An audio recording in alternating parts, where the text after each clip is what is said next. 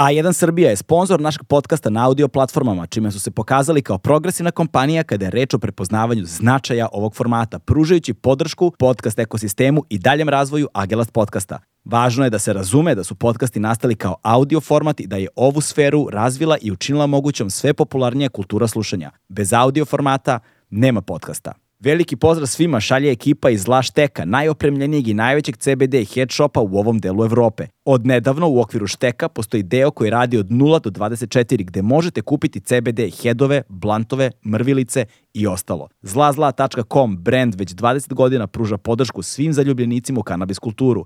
Od nedavno Zla Zla Lemon Haze CBD headove u teglicama možete kupiti na svim boljim kioscima u Srbiji.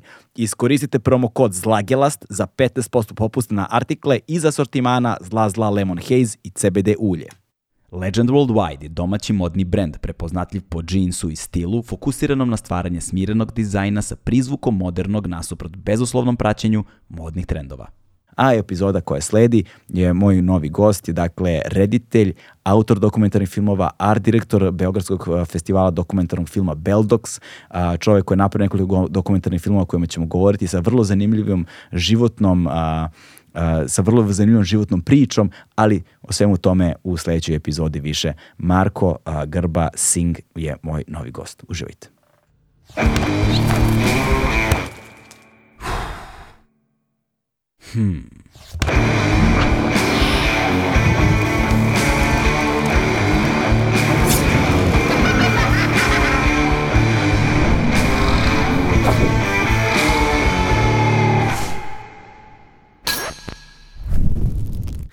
I možemo da počnemo. Mare, kućo, šta radiš? Evo, navikavam se. Ovaj, a, juče sam bio jetlagiran malo, prekiče sam se vratio i sa puta dalekog i tako. Čekaj, se prekjuče si došao, a ne juče. Juče, da. Juče? Rano ujutru, da. Pa Da, tako, kad smo se čuli juče telefonom, bio si u kolima sa aerodroma, si Tako se je, vraćao. Da. Odakle si došao? A, iz Kuala Lumpura, iz Malezije. Iz Malezije. I to je sad jedan važan i veliki segment i tvog života i tvog rada trenutno. Da. Ovaj, ali ćemo doći polako do toga. A, pre svega ti si a, reditelj i autor dokumentarnog filma. Znači, za, za ljude koji ne znaju, ja sam ogledao dva dokumentarna filma pripremajući se za ovaj razgovor, ali ovaj, ti ih imaš koliko ukupno napravljenih? Pa imam šest, s tim što su ta četiri, preostala četiri koje nisi pogledao, kratki filmovi Mhm. koji su rađeni, uh, dva su rađena baš rano, pred deset godina na faksu još dok sam bio Mhm. i ta prva dva kratka filma su nekako ovaj, neki filmovi koji su na neki način probili na scenu međunarodnu, Mhm. jer uh, na, na drugoj godini ovaj, sam, kolega moj drug, eh, Stefan Ivančić i ja smo napravili po jedan dokumentarni film, na predmetu dokumentarni film i onda smo slali e, na festivale, onako, ent- entuzijasti, e, režemo DVD-eve i šaljemo, znaš. Koje to godine bilo? To je 2011. na 12. Čekaj, koje si ti godište? 88. 88, ok, ok. I? Jer tada još nije bilo ono, ovo što sada svaki festival ima na svom sajtu da se prijaviš, da prijaviš film i da prijaviš i Vimeo link i password naš. Tad su se slali DVD-evi. I onda je bio problem što ovaj, u nekim poštama nisu hteli da nam daju da šaljemo, jer ne znaju šta je. Jer nije zvanična kutija, naš, nije, nije, nije prazan narezan DVD samo. Aha. I onda je bio problem, neka su bili problemi sa carinom i tako, baš je bilo maltretiranje. Ali smo se mi cimali i ovaj, mislim se Stefan je imao tu neku listu od ovaj, nekih 50-60 festivala koji su bitni u Evropi i svetu i onda smo išli jedan, jedan po jedan Da, da. I desilo se da moj film, taj Kasto smo se sreli se zove, koji je, um, zapravo snimao sam Papketa, Zorana Papovića, ne znam da ga znaš, to je lik koji je ispred KST-a tamo um, na ćošku knjeginje Zorke Ivana Milutinovića Da. i Bulevara uh, prodavao cveće i ikone pa jedno 20 godina. Mm. Uh, brada, onako kosica, Čekaj, seda. znači Ivana Milutinovića, znam, to je ona sa vračara što Da, piči. ispred, ispred KST je stajao, znači Aha, aha, na tom čekaj, čekaj, čekaj, semaforu. znači to je Ivana Milutinovića gore skroz izbija na bulevar. Da. Da, znam, i onda i na uglu s bulevarom, je li tako? Na uglu s bulevarom i tu Preko izbi- puta KST-a. Tako je, s stvari, tim da, što je da. on nekad je stavio preko puta, ali nekad je ispred KST-a, mi smo taj izlazili u KST 2007. o- sam imao koliko? Od 2007. sam počeo da izlazim i od tad sam ga upoznao. I onda kad je došla tema portret, nekako mi je bilo drago, imao sam želju da, da snimim njega, da nekako ostane nek, nešto tu ovaj, u našem tom prijateljstvu. I ovaj, film je bio dakle jedna njegova noć i upoznavanje ljudi tokom te noći. Dakle, on je tu, ljudi koji mu prilaze, druži se i, i onda se ujutru u tramvaju završava. Dobro, I, i? sad, i taj film, uh, eto, imao sam sreće da, da je festival u Nionu, u Švajcarskoj, koji se zove Vision Durel, koji je um, jedan od, pa recimo, u Evropi tri ili četiri najveća festivala dokumentarnog filma. Njihov um, tadašnji direktor, uh, Luciano Barizone, uh, me pozvao lično u program koji se zvao First Steps, znači program za, Aha, za, početnike, za klince. Da, kažemo, početnike, da. za klince i to je moj prvi, prvi festival u životu. A što je onako, znaš, mi smo to krenuli da šaljemo malte, ono, Ko indijanci. pa Na recimo, znaš, nismo znali, ni- nismo, nismo toliko znali o tome koliko sad znamo i nismo znali kako će to da se završi, da će svi danas po, poodbijaju ili da ćemo proći negde i tako. Mm. I eto, to je, to je moj prvi, prvi festival. Čekaj, šta si ti studirao? Filmsku režiju. Da, mislim, ali kao na FDU si, na, FDU, na, da, F- da. na, FDU, na FDU si bio. Ovaj, a, ali kako, kako i zašto baš dokumentarni? Pos- Ajde sad da pomenemo samo još jednu stvar. Pored toga što se, se baviš dokumentarnom filmom kao autor i kao reditelj, jel te? Ovaj, I da si imao i finu turneju festivalsku sa ovim a, Rampartom, jel tako? Tako je, da. A, ali pričat ćemo i o tome. Ti si između ostalog a, povezani sa Beldoksom, Beogradskim festivalom dokumentarnog filma. Na koji način? Ja sam od, od 2018. godine umetnički direktor Beldoksa. Mm, e, to. A, to je, znači, sad je petog, petog godina. Pet, pet godina. Pet već, godina, da. znači. 2017. sam radio samo domaći takmičarski program, Mhm. kao selektor domaćeg programa, i onda od 2018. sam postao umetnički direktor, što znači da na neki način uh, jeli, trudim se da usmeravam neki kurs kojim, pravac kojim mislim da festival treba da ide. E, to sam baš te pitan, strane, šta, da. to sam baš te pitan, šta znači biti art direktor Da. a, dokumentarnog filma? Pa znači, dakle, kreiranje programskih celina um, sa svojim kolegom Igorom Stanojevićem koji je uh, head of programming, znači glavni selektor, Mm. uh, uglavnom uh, odabir filmova, Da. uh, odabir uh, uh, žirija, umrežavanje sa ostalim festivalima po Evropi, dosta putujem po, po drugim do, festivalima dokumentarnog filma, pravimo neke vrste to povezivanja. Da. Dosta tu ima stvari, jel? to nije samo program u pitanju. jel? Dakle, opredelio si se u suštini za dokumentarni film u životu. Sad pravo pitanje, je, ja obožavam dokumentarizam to i, i ono što mi je veoma drago jeste da su streaming platforme, da su savremene tehnologije svojim umnožavanjem i jeftinoćom zapravo omogućile da snimanje dokumentarnog filma postane daleko jednostavnije nego što je to bilo ranije, barem kad govorimo o tehničkoj izvedbi, ti sada možeš mobilnim telefonom da snimiš dokumentarni film, znaš, ako, i- ukoliko imaš dobru, jasnu ideju i ono, umeš umeće da, da, da to uradiš na telefonu, možeš zapravo, no, mogućnosti su ti otvorene. I mi sad imamo praktično možda čak i inflaciju dokumentarnog sadržaja ovaj, kroz sve te platforme i svašta tu ima što je i bez veze i ovako i onako, ali nam je dostupnije više nego ikada pre i gro tog dobrog sadržaja. Sviđa mi se također što su ušli u, i sad ono kao docu-series isto također, što je to što je relativno nov fenomen također za, za ove uslove. Ja ne znam neki prvi docu-series koji sam eventualno gledao je možda bio ono Adam Curtis, ono Century of Self ili tako nešto s ranih 2000-ih, da, da ima kao 4-5 epizoda nečega. Ali, uh, otkud dokumentarni film? I kao, zašto baš dokumentarni film u tvom životu? Šta je tebi dokumentarni film? No, prvo ovo što si rekao za hiperprodukciju, to mislim da je to došlo s digitalizacijom svakako. Pa da. Ovaj, da je to prelazak iz analognog u digitalno doba, da je to mm, dosta, dosta olakšalo zapravo. Kako ne? Ovaj, ono što je Žilni, Žilnik je spomenuo to jednom, kad su ga pitali nekad sad, ovo ono, da, da li osjećate nostalgiju za, ne znam, uslovima rada ranije i to, pošto neki ljudi nekada romantizuju ta, e, uvek, to, ljudi su skloni tome, jel? da, da uvijek ovaj, ne, ne- neke stvari iz prošlosti se romantizuju.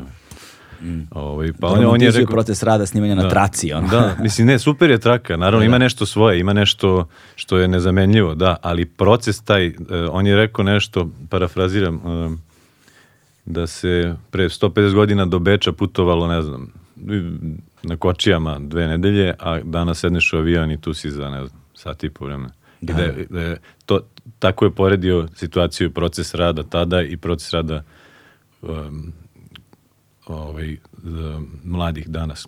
To je s mogućnosti Mm. Da, koje da, su da, im da, otvorene. Jer otvoreno je zaista toliko, toliko, toliko je, toliko je lakše. Što kažeš, mobilni telefoni. Nisu nužni mobilni telefoni, mislim. Ti možeš sada uz mnogo manje para da, priušti, da priuštiš sebi neku opremu. Jel? Da, Ka- jeste. kakvu takvu, s kojom Ove, mislim ali da- otkud dokumentarni film u tvom životu? Šta je to što, št- zašto je dokumentarni film tebi važan? Šta je to što razlikuje dokument? Ti si režije studirao, nisi Ja sam studirao režiju, da, imali smo igrani film, imali smo da. filmsku režiju predmet a, od prve godine. Dokumentar film je došao tek na drugoj godini, a na trećoj imali televiziju, TV režiju i režiranje, e, e, dakle TV režiju 3, TV režiju 4, TV drame i tako dalje. Ali um, pa mene je zanimao film od uvek, još od ono, teenage doba, ali dokumentarni film mislim da a, a, a, ono što mene tu zanima je e, što mi se čini da se u, u slučaju dokumentarnog filma kamera prilagođava stvarnosti, a ne obrnuto. Ne, ne znam da, da Mm. razumeš. Znači, um, u igranom filmu je obrnuto donekle. Jeli? Ti sve podređuješ kameri, jel? Na neki način. A u, u, u dokumentarnom filmu je kamera ta koja, koja mora da se prilagodi zapravo dešavanjima. Mm, I a, a, a, ta istina, istinitost, istinitost koju, koju nosi sa sobom, autentičnost, um, a, a, a, to, to je neka vrsta kreativne stvarnosti, jeli? da, da. Ovaj, um, m- mislim, da je, mislim da je to jako bitno. Ovaj, mislim da je jako bitno to što dokumentarni film um, obrađuje e, teme koje su, bi vrlo verovatno ostale nevidljive. Jel? Ono što se meni dopada uh, kod dok, dokumentarnog filma za razliku od igranih varijanti, mislim ni- nisam nikad učestvovao u igranim varijantama pa nemam pojma, ali u dokumentarnom jesam. Um, jeste što mora da postoji, zavisi šta, šta slikaš naravno, ali postoji određena vrsta pripreme koju moraš da uradiš a, zato što imaš određenu, određenu dozu nepredvidljivosti a, okolnosti. I što neke stvari ako želiš da zaista budu autentične moraš da ih čekaš. Moraš da čekaš trenutak da se desi i moraš da budeš spreman da taj trenutak uhvatiš. Na Lupiću, na primjer, recimo ako govorimo o, o dokumentarizmu koji se tiče ono, života u prirodi i hoćeš da snimiš neku životinju. Ti, brate, moraš da je čekaš. Ne možeš da organizuješ da ti je dovezu i da je iz kaveza puste da je ti slikaš. Znači, ili ako hoćeš da snimiš neki konkretan detalj, neki konkretnu stvar u životu te životinje, ti moraš da čekaš period kad se, ne znam, pari, pa ovo, pa ono i da osmisliš način kako da ih slikaš, a da ne budeš invazivan kada je njihov habitus, kada, njiho, kada je njihovo nastanište u pitanju, jel ti? Da, mo, da, da dobiješ prirodne reakcije i šta ti ja znam. Ili za ljude, za neke... Za ljude pogotovo, mislim, za ljude je ta, ta pitanje poverenja jako bitno u dokumentarnom E, bravo, filmu. da. Znaš, to je možda najbitnije meni. bar. Da, to znaš, sam- Da, da, ti, da ti zapravo ne budeš nekako invazivan. Da ti, Mm. e, jer ti zapravo i ne možeš da napraviš dobar film ako, ako neko ne želi da bude u filmu. Jel? Ako Tako to je. na silu, razumeš? To je, mo- mora da bude jedan proces koji ne mora nužno da se završi prijateljstvom, ali se nekada i završava. Znaš. Mm. Ali, ovaj, ali, ali, je, ali je poverenje, poverenje je ključ. Ovaj, pove- pa evo, evo recimo taj prvi film koji sam radio, mislim sad je to primjer od pre 10 godina, ali to je bila osoba s kojom se ja, uh, koja je imala poverenje u mene. On je, on je meni rekao da, da su dolazile televizije uh, da ga snimaju, da je odbijao svega, sve, sve televizije do sada, do tog momenta. Jasno. I da je, ovaj, da je, da jednostavno da jednostavno iz toga što iz tog nekog uzemnog poštovanja on je pristao na taj, na taj film. Pa između ostalog, da, i taj odnos poverenja se gradi vremenom. Gradi se vremenom. Gradi Ti moraš se, da investiraš vreme ozbiljno i da, da, i da budeš iskren u tome i onda ljudi kad prepoznaju tvoju iskrenost i vide da si investirao i vreme i trud, nekako se otvore i napraviš taj most poverenja kroz, preko kog posle malo lakše pređeš. Ali to je samo pripremni proces ono u nizu stvari koje treba da se desiti u dokumentarizmu, koji igrana forma ne, nema. To je proces koji traje sad za- u zavisnosti od toga opet i od ljudi. Znaš. Mm. Nekada traje kraće, nekada traje duže, nekada je nemoguće. Znaš. Da, nekada da. de- des- desi se da napišeš nešto što shvatiš da da je neizvodljivo. Zato što jednostavno takve su okolnosti da, da, da ili ljudi ne žele neki da učestvuju ili vidiš da je to jednostavno nemoguće. Da, je pazi, bolje tvo- odustati nego, nego, nego gurati po svaku cenu. Tvoji dokumentarni filmi imaju vrlo specifičnu estetiku negde, barem ovo što sam ja video.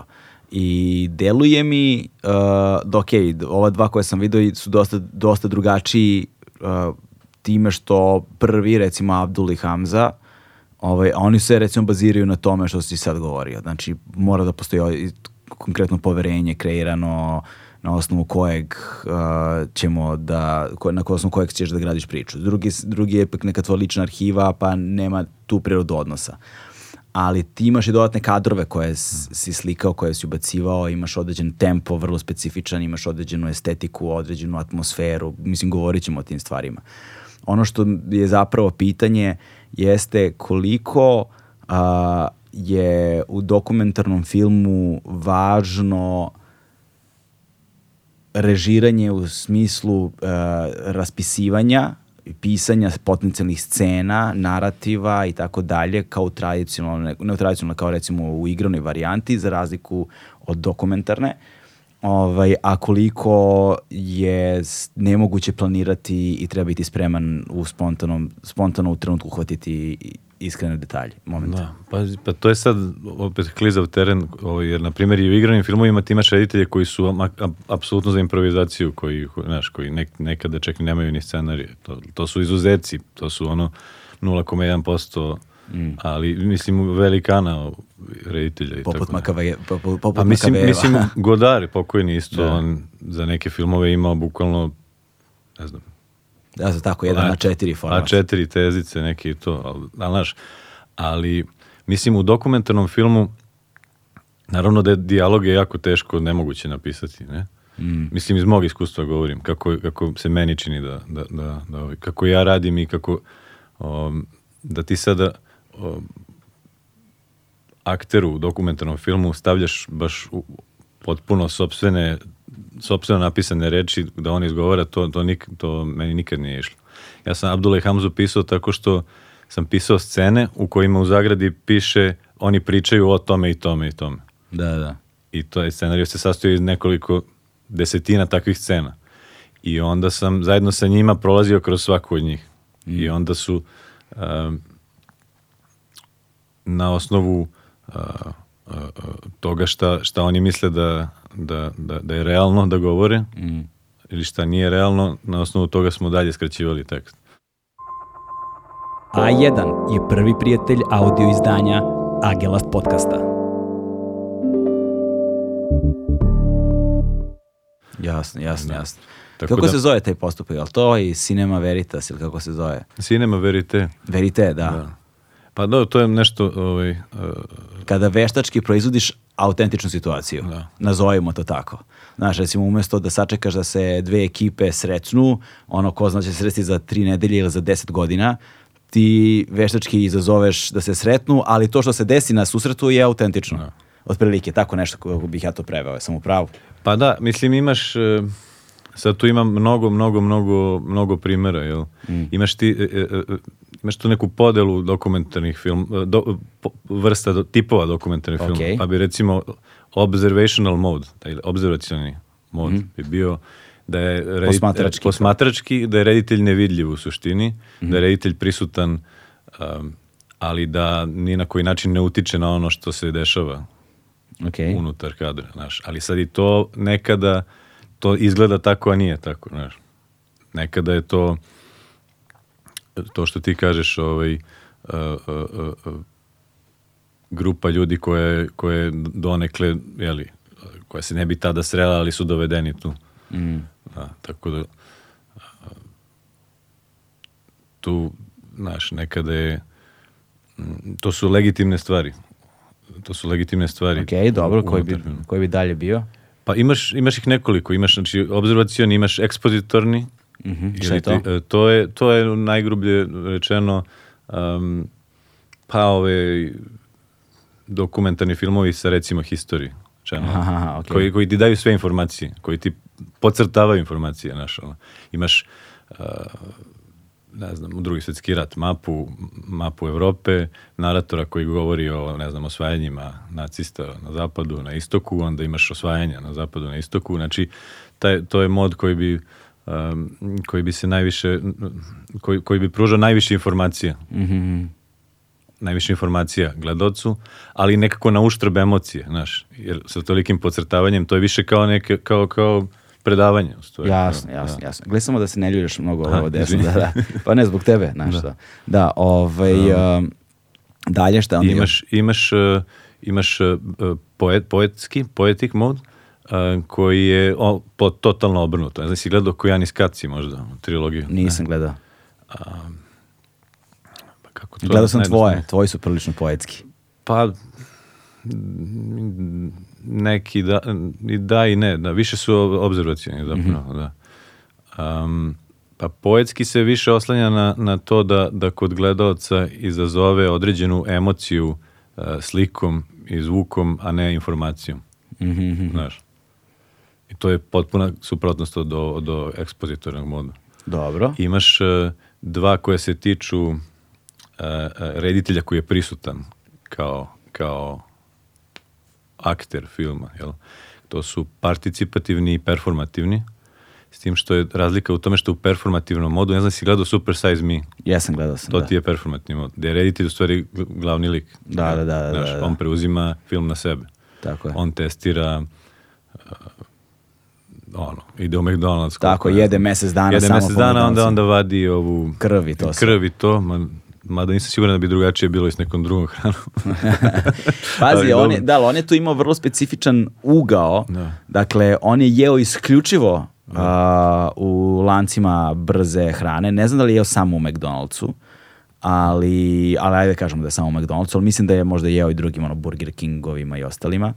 Ovaj, ali je govorio i o tom marketingu i o tome kako su kako se zaposleni kako, kako se tretira prodaja tih proizvoda gde oni tebi imaju obavezu da te ponude. Dakle, on neće sam da traže, recimo, hoćete, na primjer, traži sendvič, pa oni kažu, hoćete obrok možda, ili hoćete li X, king size obrok. Dezer, desert. to, Desert, ovo, ono. Znači, ako ga ponude, onda će da pristane. Svaki put kad mu ponude više i kad mu ponude još nešto, da pristani na to. Znaš, i onda je samo po tom principu jeo i va, znači merio se, vadio je krv i šta ti ja znam pre toga i onda nakon toga. I nakon toga ono holesterol neki. Ne samo ajde holesterol, nego što je on zapravo imao precirozno stanje jetre Da, da, da. i ne znam šta sve ono, kad su, mu po- kad su ga pregledali na sistematskom pregledu, katastrofa se pokazala, znaš šta. Ali imaš te parci- participativne i još ono, u Americi je to dosta popularan, mogu da kažem. Pa Michael Moore, recimo. Michael Moore, da, da, jeste. A s tim što je, Mike- e, da, imaš participativni i performativni. Performativ je kao gde je reditelj zapravo glavni lik, Da. a participativni reditelj učestvuje unutar slike, ali nije glavni lik nam. Da. Znaš, gde on vodi priču. Znaš ono kad imaš kao gde... Pa Michael Moore je tu Pa, dobar primjer. To je, Da, da. participativni je više Michael Moore, da. Da, da, da, da, da, da, ovaj performativni, da, zato što se zapravo dešava nešto samom, na, samom, samom, samom reditelju kao da. akteru. Da, to, Da, su da, ti, to su sitne razlike, ali eto to, da. Pa dobro, nisu toliko sitne, jer, znači jednom kada počneš da radiš ti moraš da imaš jasno definisano pute koji, put kojim hoćeš da se krećeš. Naravno, naravno, Da bi- ali kao i svemu, znaš, te podele, znaš, uvek ima pomalo svuda od svega. Mm. Znaš, jako su redki primjeri da je nešto baš 100% ovaj, Da, da. tako kako jeste. Znaš, i observational u tom principu, gde si ti nevidljiv, ti imaš pravo da donekle usmeravaš aktere, znaš, nije sad to kao da si potpuno... Da, da. Sad, pored toga što je dokumentarni film važan sa tih aspekata, pričat ćemo još malo i o tome ovaj, koje su negde razlike uh, u ulozi onoga što dokumentarni film donosi u odnosu na igrano, u igrane forme, ovaj, o tim istinama koje zapravo a, saopštava i gde je negde, čini mi se, dokumentarizam bi trebalo da bude jedno dobro gledalo društva. Znaš, i civilizacijski Ne samo da bi trebalo, nego jeste ogledalo društvo Da. na neki način. Mislim, a, mislim, zaista ja mislim da, da, da, da je dokumentarni film je preduslov za, za neko zdravije društvo, jel? Da, da je- Kako, na koji način, zašto? Pa zato što uh, zato što nekako uh, Na primjer, sad sam na Major Doksu u, u oktobru, na Majorci, bio je Rampart i bio je um, bio selekciji sa sedam filmova. I bio film neki uh, iz Guatemala, Silence of the Mole se zove. Silence of the... Of the Mole, krtica. A, krtice, okej. um, koji se bavi likom koji se infiltrirao 70-ih u tu njihovu, taj njihov režim, a, koji je bio dosta onako brutalan, jer to je trajalo 20 godina, taj njihov građanski rat i ovaj, ta hunta, ovaj, i, ovaj, i koji je na, na, na razne načine spašavao ljude od toga da budu ubijeni, jel? Koji je dobijao spisoko, spiskove i onda je preko ovaj, preko nekih ljudi, jel, preko kurira javljao im da treba da beže iz zemlje i tako, spasuje gomile ljudi, znaš. I to mi je bilo onako, ja nisam ništa znao recimo o tome, znaš. Da. I nisam znao zn- i ko zna koliko postoji takvih stvari o kojima se ni ne zna i dalje, znaš. I, em, i em, samim tim e, što je to ostalo zabeleženo, jel? I što se takve stvari beleže i što em, e, e, dokumentarni film kao takav nekako na uvek na, u- na, na svaki način se trudi da um, da takve stvari jeli, da, da izađu na videlo jeli. Um, mislim da je um,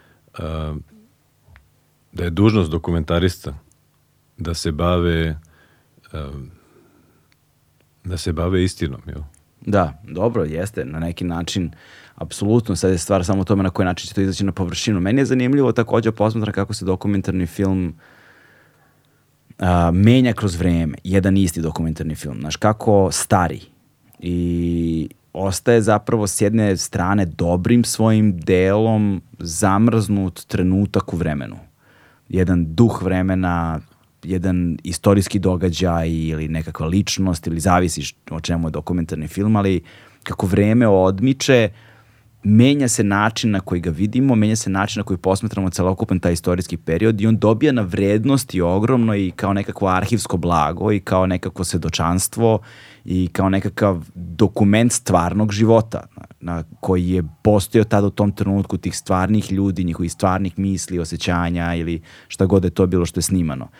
I ovaj, onda kada posmatraš starije dokumentarne filmove sa vremenskim odmakom, a vrlo često i emocionalnim odmakom u odnosu na situaciju ukoliko je neka situacija koja je bila važna, teška, ovakva ili onakva, ti daje jednu novu perspektivu i objašnjava ti i oslikava negde osvetljava tvoj sopstveni život društvu u kojem si živeo i u kojem, kojem možda živiš i dan danas ili koje je bilo, koje je bilo preduslov za društvo u kojem se nalazimo danas kao, kao jednu poveznicu, kao osjećaš taj kauzalitet ono, i, i, i doživlji da je život zapravo jedan kontinuirani niz gde ništa ne nastaje ni iz čega, nego smo mi svi zapravo nešto nasledili. Onda nam omogućava da osvetlimo šta je to što smo nasledili i na koji način mislimo to što mislimo i znamo to što znamo.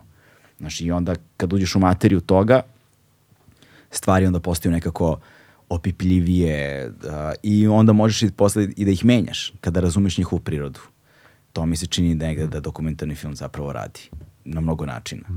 Ovaj, ali kad govorimo o domaćem dokumentarnom filmu, kad govorimo o internacionalnom dokumentarnom filmu, kad govorimo o digitalizaciji koja je pomenuta, mnogo se stvari promenila. Mislim da je sada izbor daleko veći da je dostupnost dovela do razmera potpuno ne, ono kakve nismo mogli da sanjamo, gde naravno ima tona loših stvari, ali ima i tona dobrih stvari. Koji, šta je, koji su to trendovi koji se trenutno u svetu pokazuju, vodeći, pošto vera pretpostavljam da pratiš i festivale i sve, i šta je to što se dešava sa dokumentarnim filmom ovde? I koja je razlika?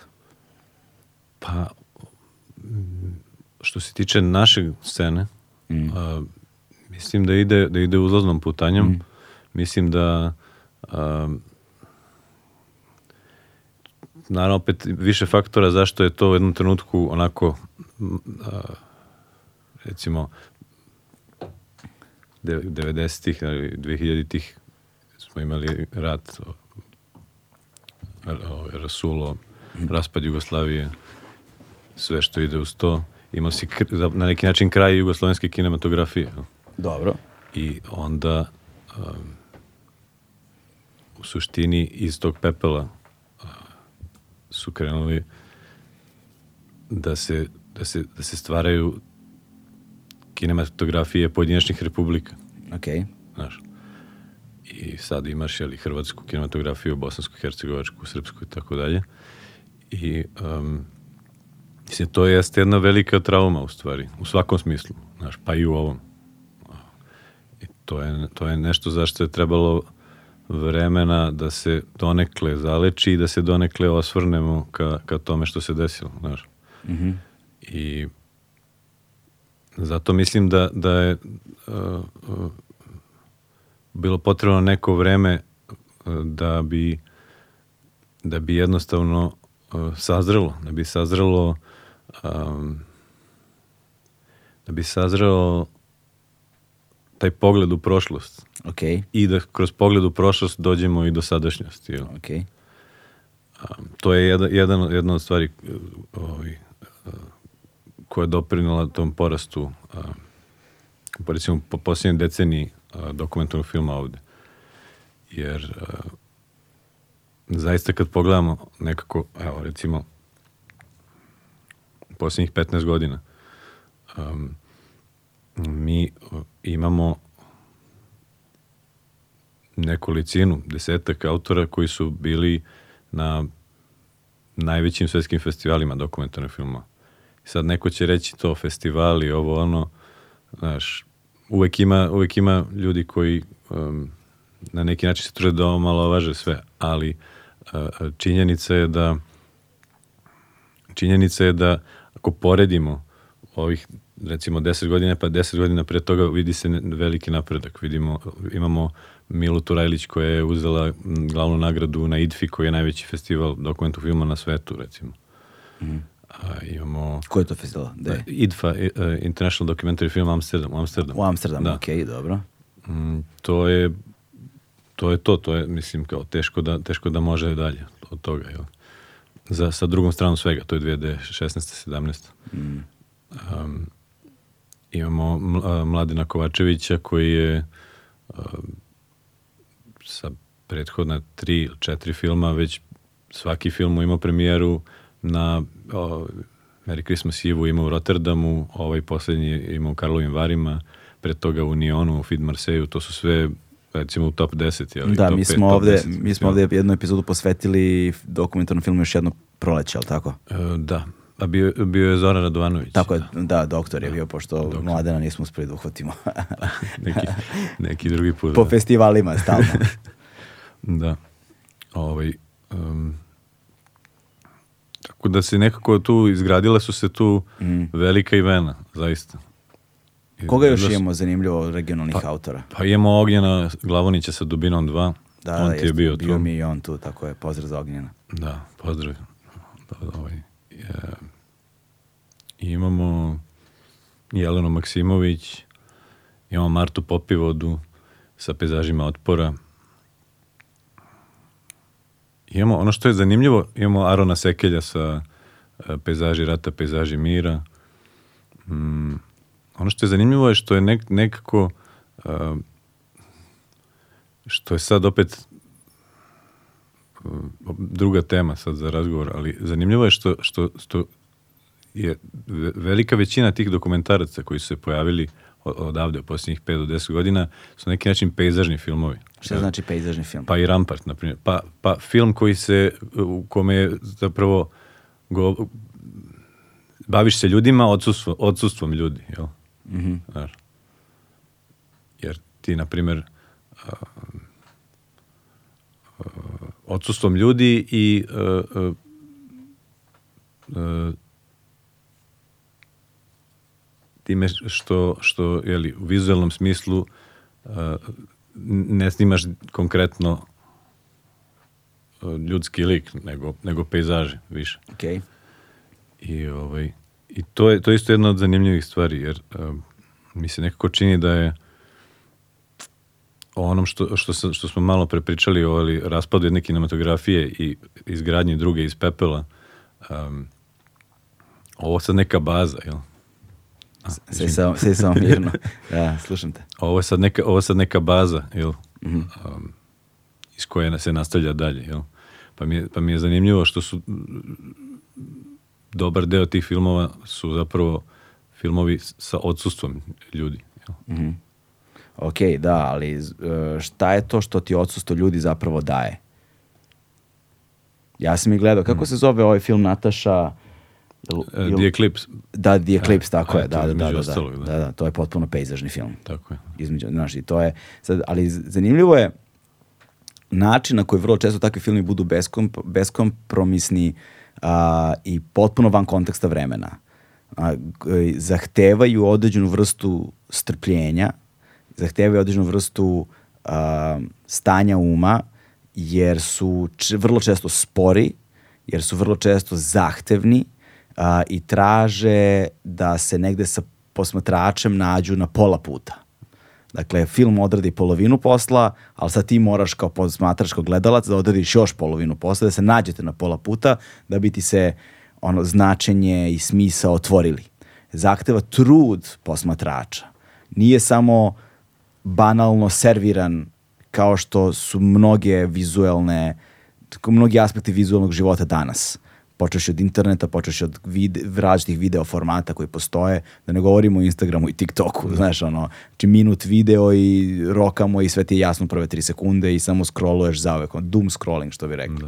Znaš, a dokumentarni film, posebno recimo takvi filmovi poput recimo Ramparta, svog poput uh, Nataše, Natašinog The Eclipse-a, poput recimo Mile Turajlić sa Labudović tapes, Reelsima, ali tako, poput uh, i Mladena Kovačevića, recimo još jedno proleće je takođe film napravljen celokupno od arhivskih snimaka.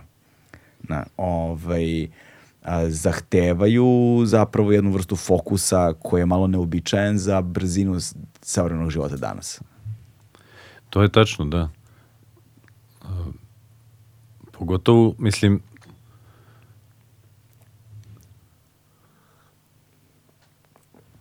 gledajući, znaš, arhivski filmovi takođe su uh, uh, ako se spominja si trend u svetskom, svetskoj kinematografiji i u domaćoj, naravno. A, arhivski film je nešto što, se, što je u posljednjih nekoliko godina onako eksplodiralo dosta. Um, što sad uh, da li, da li je to zato što jeli, svi mi imamo neku potrebu za uh, u mom slučaju, jeli, to, to je priča o mom detinstvu, pa, pa svako od nas se vraća u neko, de- neko svoje detinstvo, jel? Da. um, da li je to zato što jednostavno a, se otkrivaju razne stvari, znaš, Otkri, otkrivaju se mm, digitalizuju se mnoge stvari, dostupnije su čak i ti arhivski materijali sve više i više. Da li je to zato što se osvrćemo na neka vremena Da. u kojima je možda bilo drugačije, bolje, Ajde, lakše, možda će nam biti lakše da govorimo o tome baš kroz primjer tvog filma. Ajde da govorimo o Rampartu. Dakle, šta je Rampart? Šta znači reč Rampart prvo? Rampart e, znači e, utvrđenje ili tvrđava. Ili zido, zidine, engleska reč. Ok, i, i čemu, i, e, š- o čemu se radi, šta je okosnica tv- tvog dokumentarnog filma Rampart i kad je nastao? E, nastao je 2000... Ideja se javila krajem 2019. Nastao je tako što su moji roditelji e, odlučili da prodaju taj stan u kom sam odrastao na banjici i e, onda sam ja tamo odlazio, fotkao malo prazne sobe, prazan stan i onda mi je zapravo se javila ideja da svaku od tih soba iz stana povežem sa pojednim sećanjem iz prošlosti. E, tako, je- tako je počelo. I onda smo direktor fotografije Ivan Marković i ja išli u, u taj stan, pa smo snimali sobe. Um, on je inače imao zanimljiv film, jako zanimljiv film Centar, o Sava centru, koji je isto o, film u kome se osim nekom širem planu, onako, pojavljuju se čistačice koje održavaju taj Sava centar, ali više film o zgradi Sava centra kao, kao živom organizmu nekom, koji odumire i koji, kojeg one pokušavaju da zacele na neki način, kao da ga zacelju. Jer je tad već bio pred rekonstrukciju, renoviranje i to. I onda mi se svidalo kako je on koristio, kako je on tretirao prazne prostore i onda smo otišli zajedno u naš stan na banjici. I onda je, onda smo snimili to i onda, onda dakle, je došao, kad, mi, kad sam shvatio da, da, da, da moram da to nekako, da, da napravim taj sukob između prošlosti i sadašnjosti na tom prostoru, je sada, sada napuštena, a tu smo živjeli 24 godine, onda sam krenuo da skupljam sav arhivski materijal koji je bio vezan za, za taj stan i za te prostore. Dobro. I tako je počelo u suštini.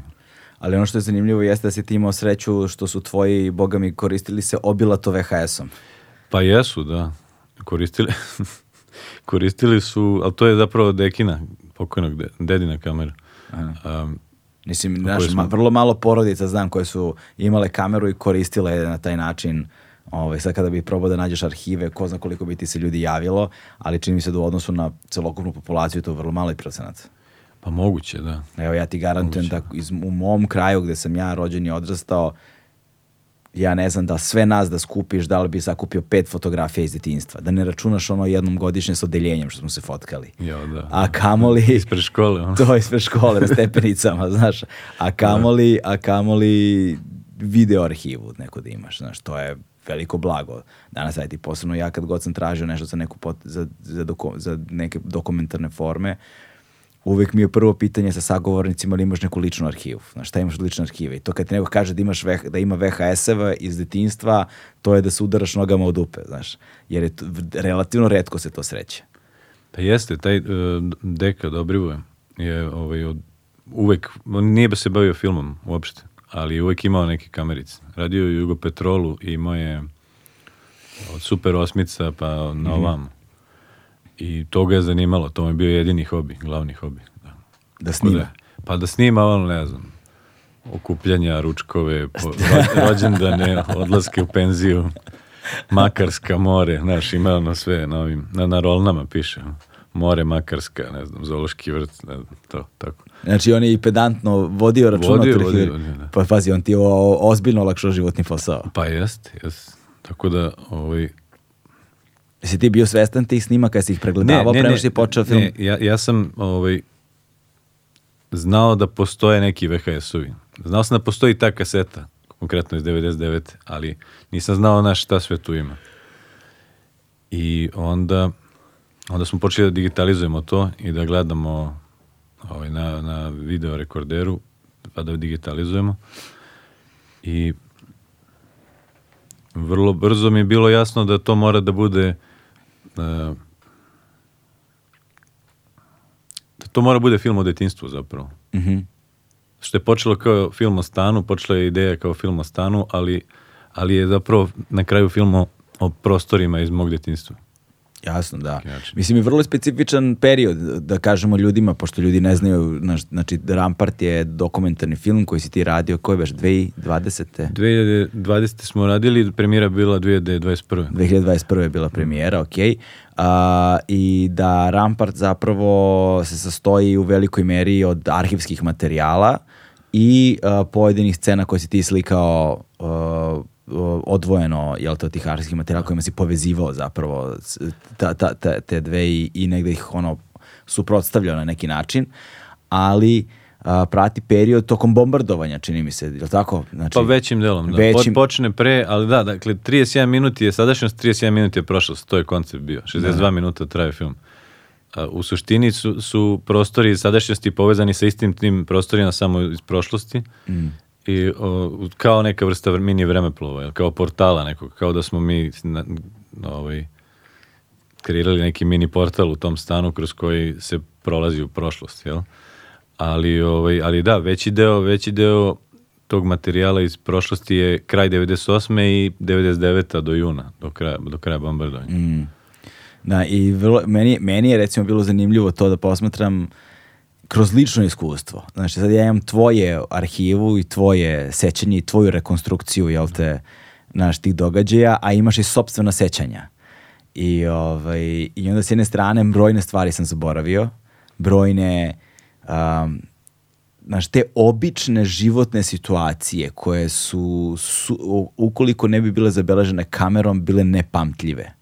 Znaš, nešto što bi ti potpuno izmaklo sećanju, nešto što ne bi imao razloga da se sećaš scene da nije bila zabeležena kamerom. Znaš, neko obično, porično kupljenje nekog XY dana kada se ništa posebno nije dešavalo. Da. Znaš, ili sa dekom igrate košarku ispred zgrade. Ništa posebno se ne dešava. Ali zapravo je uhvaćen jedan zamrznut je jedan trenutak u, jedno, u, u prošlosti koji je veoma živ. I, znaš, I onda kada ga evociraš na taj način, on probudi jedno opšte psihofizičko stanje ovaj, koje smo svi mi imali tokom tog perioda. I to je nešto što mi je bilo vrlo zanimljivo. Znaš, kako su odjednom sa dna zaborava neka moja sećanja isplivala na površinu, kako sam ja provodio dane, a da na to nisam pomislio, eto, od te iste 99. 24 godine jebote, znaš. Pune 24 godine. Ali to sa sećanjima je uvek ovaj, varljivo, ne? Znaš, Mm. ne, nekada, nekada je neverovatno kako sećanje može da te prevari. Kako sećanje može da bude lažno. Ne znam da si im, Da, da, da, da, da. iskustvo s tim, ali znaš, baš kad smo radili sad na Rampartu, pošto na kasetama uvek piše datum, Mm. ono, dan, mesec, godina, znaš, ovaj, eh, za neke stvari sa tih kaseta sam bio ubeđen da se nisu desile uopšte ili da se nisu desile tad nego 3-4 godine posle, znaš. Da, da, da, da. Ali jesu, znaš, to je sad kapiram da što si stariji sve više ta sećanja ko zna koliko imaju Postaju veze fluidna. sa, da, imaju veze sa istinom ili ne. Šetaju se, Da. pa, znaš šta, ja na kraju brojne stvari koje znam, za početak više ne znam kako ih znam. Da. Ne, znam, ne znam odakle sam ih saznao, možda sam ih ja smislio, možda mi je neko drugi rekao, možda sam negde pročitao, nemam pojma. Samo znam da informacija postoji. Za mnoge stvari, za mnoga sećanja ne znam da li su stvarna. Ne znam da li sam to sanjao pa Da. pretvorio u sećanje, da li se to zaista dogodilo, da li sam ja domaštao, da li možda delimično utemeljeno u stvarnosti, a delimično iskonstruisano, ili je potpunosti izmišljeno. Ja imam ogroman broj takvih sećanja za koje zaista ne znam, stvarno nemam pojma. I onda sam imao to jedno kratko kao emocionalno putovanje u životu, gde sam ono razgovarao sa nekim važnim ljudima iz svog života koji imaju jako mnogo godina sada. I pitao sam ih za neke detalje svog detinjstva zato što prosto ja nosim ta sećanja živo sa sobom ono 40 godina, a nemam pojma da li su stvarna. Treba mi neko ko je bio svedok događa da mi kaže šta sam izmislio, šta nisam. Pa ali opet i taj svedok možda ima varljivo sećanje. Pa dobro, ali ako ja pomenem vrlo konkretan događaj, Znam, znaš, a ovaj ga dopuni vrlo konkretnim informacijama, ok, onda nam je jasno, nedvosmisleno da je to zaista bilo tako, suprotno to ne bi imalo, ne, ne, suprotno ne bi bilo moguće. Ali se recimo proveravajući ta svoja sećanja, ispostavilo se da najveći broj sećanja jesu tačna, samo što sam ja recimo a, zakalemio ono ogromne vremenske razmake u jedan događaj. Mm, da, da, da. Znači kao To je- da, to se jeste desilo, samo se to, ovo desilo tada, a ovo se desilo, ne znam, pet godina kasnije, nije se desilo iste večeri. To je da, to, je, to se dešava isto. To mi da. se recimo baš često, to je baš čest slučaj bio sa tim mojim sećanjima. A onda razmišljaš, znaš, i te neke na, ono, anegdote, vjerojatno na sličan način nastaju nekada, ne? Mm, da. Tako što, nek, znaš, polu, polu, polu istina, polu domaštanost neka, znaš, ono, se prenosi s kolena na koleno i onda, znaš, se izgubi, izgubi se totalno ono što se zaista desilo, ne? Da, jeste i često tako bude i sa nekim uh, događajima koji imaju snažan emotivan naboj. Uh, neko je moj, je moj prijatelj je rekao to najbolje, kaže, ovaj, ne pamtim šta se dešavalo, ali pamtim kako sam se osjećao. Znači, zapravo tu emociju nastavljaš da nosiš sa sobom. Da li je sad to neka trauma, da li je to neko lepo iskustvo, to je sad manje važno. Ali kao mnogo snažnije živi taj emocionalni efekat na naše živote koje posle nosimo kasnije nego sami događaji. Vrlo često. Znaš, ovaj, a sa tim Rampartom, a, a, gde si imao premijeru? U Lokarnu. U Lokarnu. a? Da. E sad, me- Dve- dve- 2021. jul. Ono što mene zanima je- Avgust. jeste kako s- strana publika, po znacima navoda strana, ali, jes, ali kao u smislu ljudi koji nisu živeli ovu našu stvarnost, ovu našu sadašnjost, ove naše okolnosti, koji su to možda posmatrali s polja, a možda nisu imali, ne znali, nisu znali ama baš ništa o tome, što je isto vrlo čest slučaj, ili nemaju pojma ni gde se nalazimo, a kamoli šta nam se dešavalo. Ove, kako su oni reagovali? Šta, je, šta si primetio u, u, u, u recepciji ono, te publike? Pa, znaš šta, ja, mi smo, kad smo pravili film, ja sam se trudio da izbegnem svaku vrstu viktimizacije. Mhm. I sebe, i porodice, i, znaš, iz više razloga. Ali, glavni razlog je to što sam zaista hteo da to bude univerzalna stvar. Da tu nema, da nema neke zle krvi, da nema neke žuči, razumeš? Nego da je jednostavno nešto što ja mislim da može da porodica, ne znam, od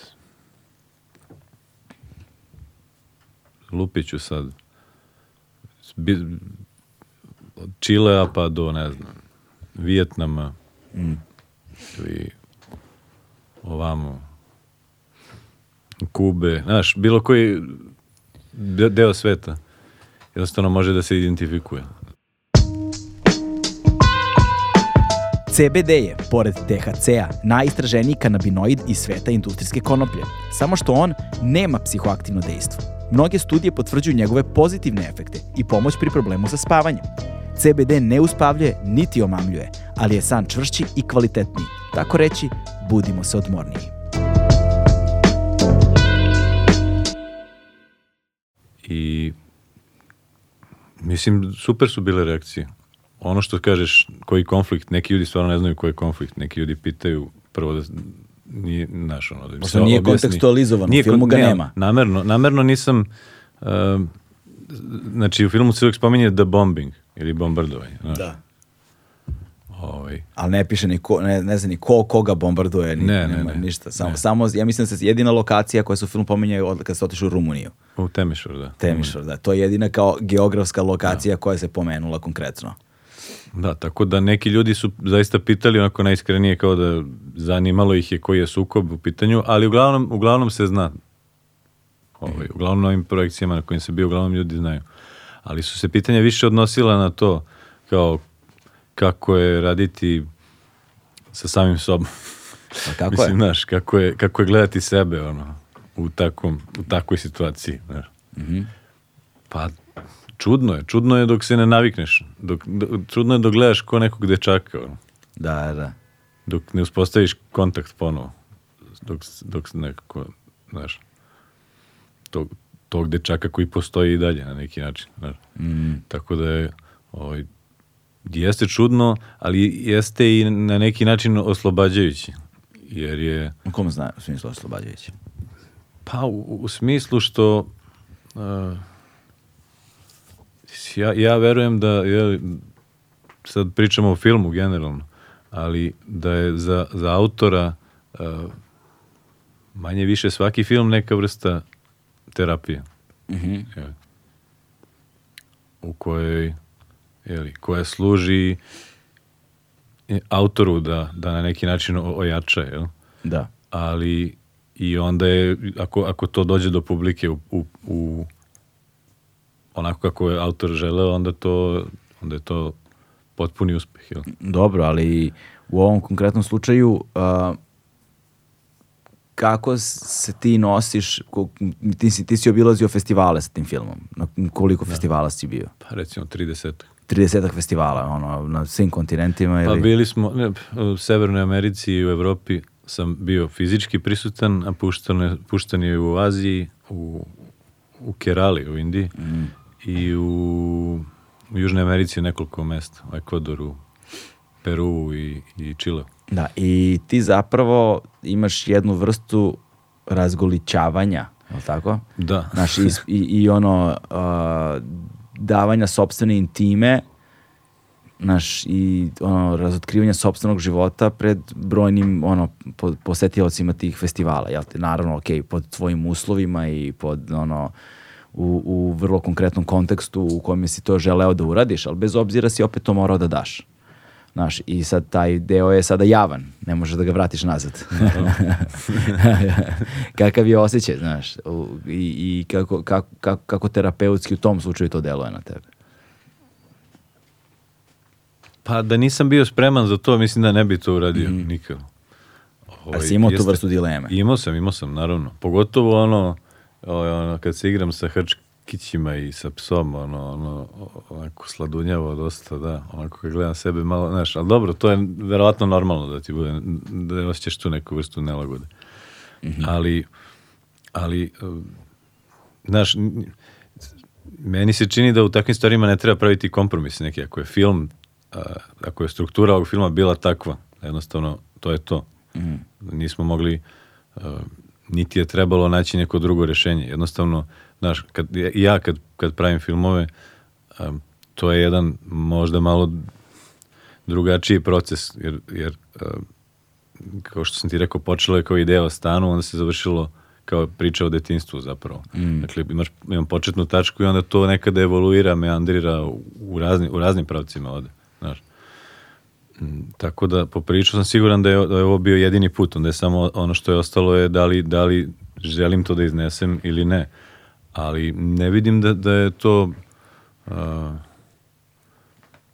ne, ne vidim da je to nešto što nije to nešto što je, što je pretjerano problematično ovaj, što se mene tiče. Pitao sam članove porodice ostale da li, su- da li su saglasni. su dali saglasnost. Da li su saglasnost, naravno. Inače bi bili ovaj, sigurno bi bili izbačeni jer glupo je. To je isto jedna stvar a, etička stvar u, u, ovaj, u dokumentarnom filmu koja, koja je isto jedna od najbitnijih zapravo tih komponenata kad se pravi dokumentarni film, da. Ali dobro, a opet s druge strane, ovaj, imaš i taj poetski deo gde brojni elementi a, su neću da kažem akcentovani, neću da kažem naglašavani, ali kao nekako suptilno postavljeni i dopunjavali narativ kroz samo slike i zvuk. Znaš, sad, zvuk mi je vrlo zanimljiv način na koji si birao zvuk zapravo za film, na način na koji si pravio atmosferu. Jer je nekako ovaj, ova dva koje sam pogledao odišu nekom melanholijom. Vrlo, znaš. Odišu nekom setnošću, nek, znaš, spori su dosta, dugi kadrovi koji traju, znaš, koji zapravo ti ostavljaju prostor da sad ti kroz njih tumačiš zašto je autor želeo taj kadar tu da stavi, šta taj kadar meni govori u celokupnom narativu. S jedne strane kao da dopunjava mi možda ono čemu se govorilo, imam poveznicu, ali s druge strane šta želi dodatno time da mi kaže. Znaš, kada brojnih aktera više nema i kada je vreme neko davno prošlo, ali mi onda, na primjera radi, vidimo opet istu onu kućicu koja na početku sazidana, dvorišna, šta li je već, Šupa. šupa neka baraka, šta li je, ali onda mi posmatramo duge kadrove detalja te šupe na samom kraju. I čini mi se da onda ona ne, ne donosi više samo narativni deo, nego donosi jedan emocionalni deo. Znaš, donosi jednu, znaš, da li nostalgiju, da li osjećanje protoka vremena, da li prolaznosti, da li nečega što je nužno nekako prisutno u našim životima, ali se ne zustavljamo često da obratimo pažnju na to. Znaš, i onda, ovaj, znaš, meni je to bilo kao kad sam to gledao, imao sam ono, ono prve misli koje su se meni javile su bile ono sobstvena smrtnost i propadljivo, znaš, kao činjenica da jednog dana više neće biti ni tebe, ni mene, ni ovog stola, ni Marka, nikoga, ni svih ovih ljudi koji slušaju ili gledaju.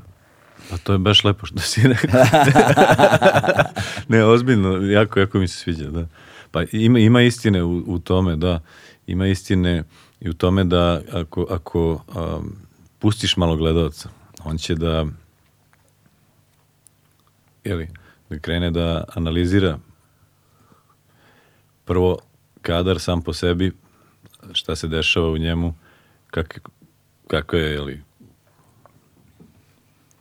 kompozicija, pa će onda možda da krene malo razmišlja i o nekim drugim stvarima a, vezane za film, a, vezane za mm, ono što je bilo pre u, u filmu, pa će možda da domaštava šta bi moglo da dođe nakon toga.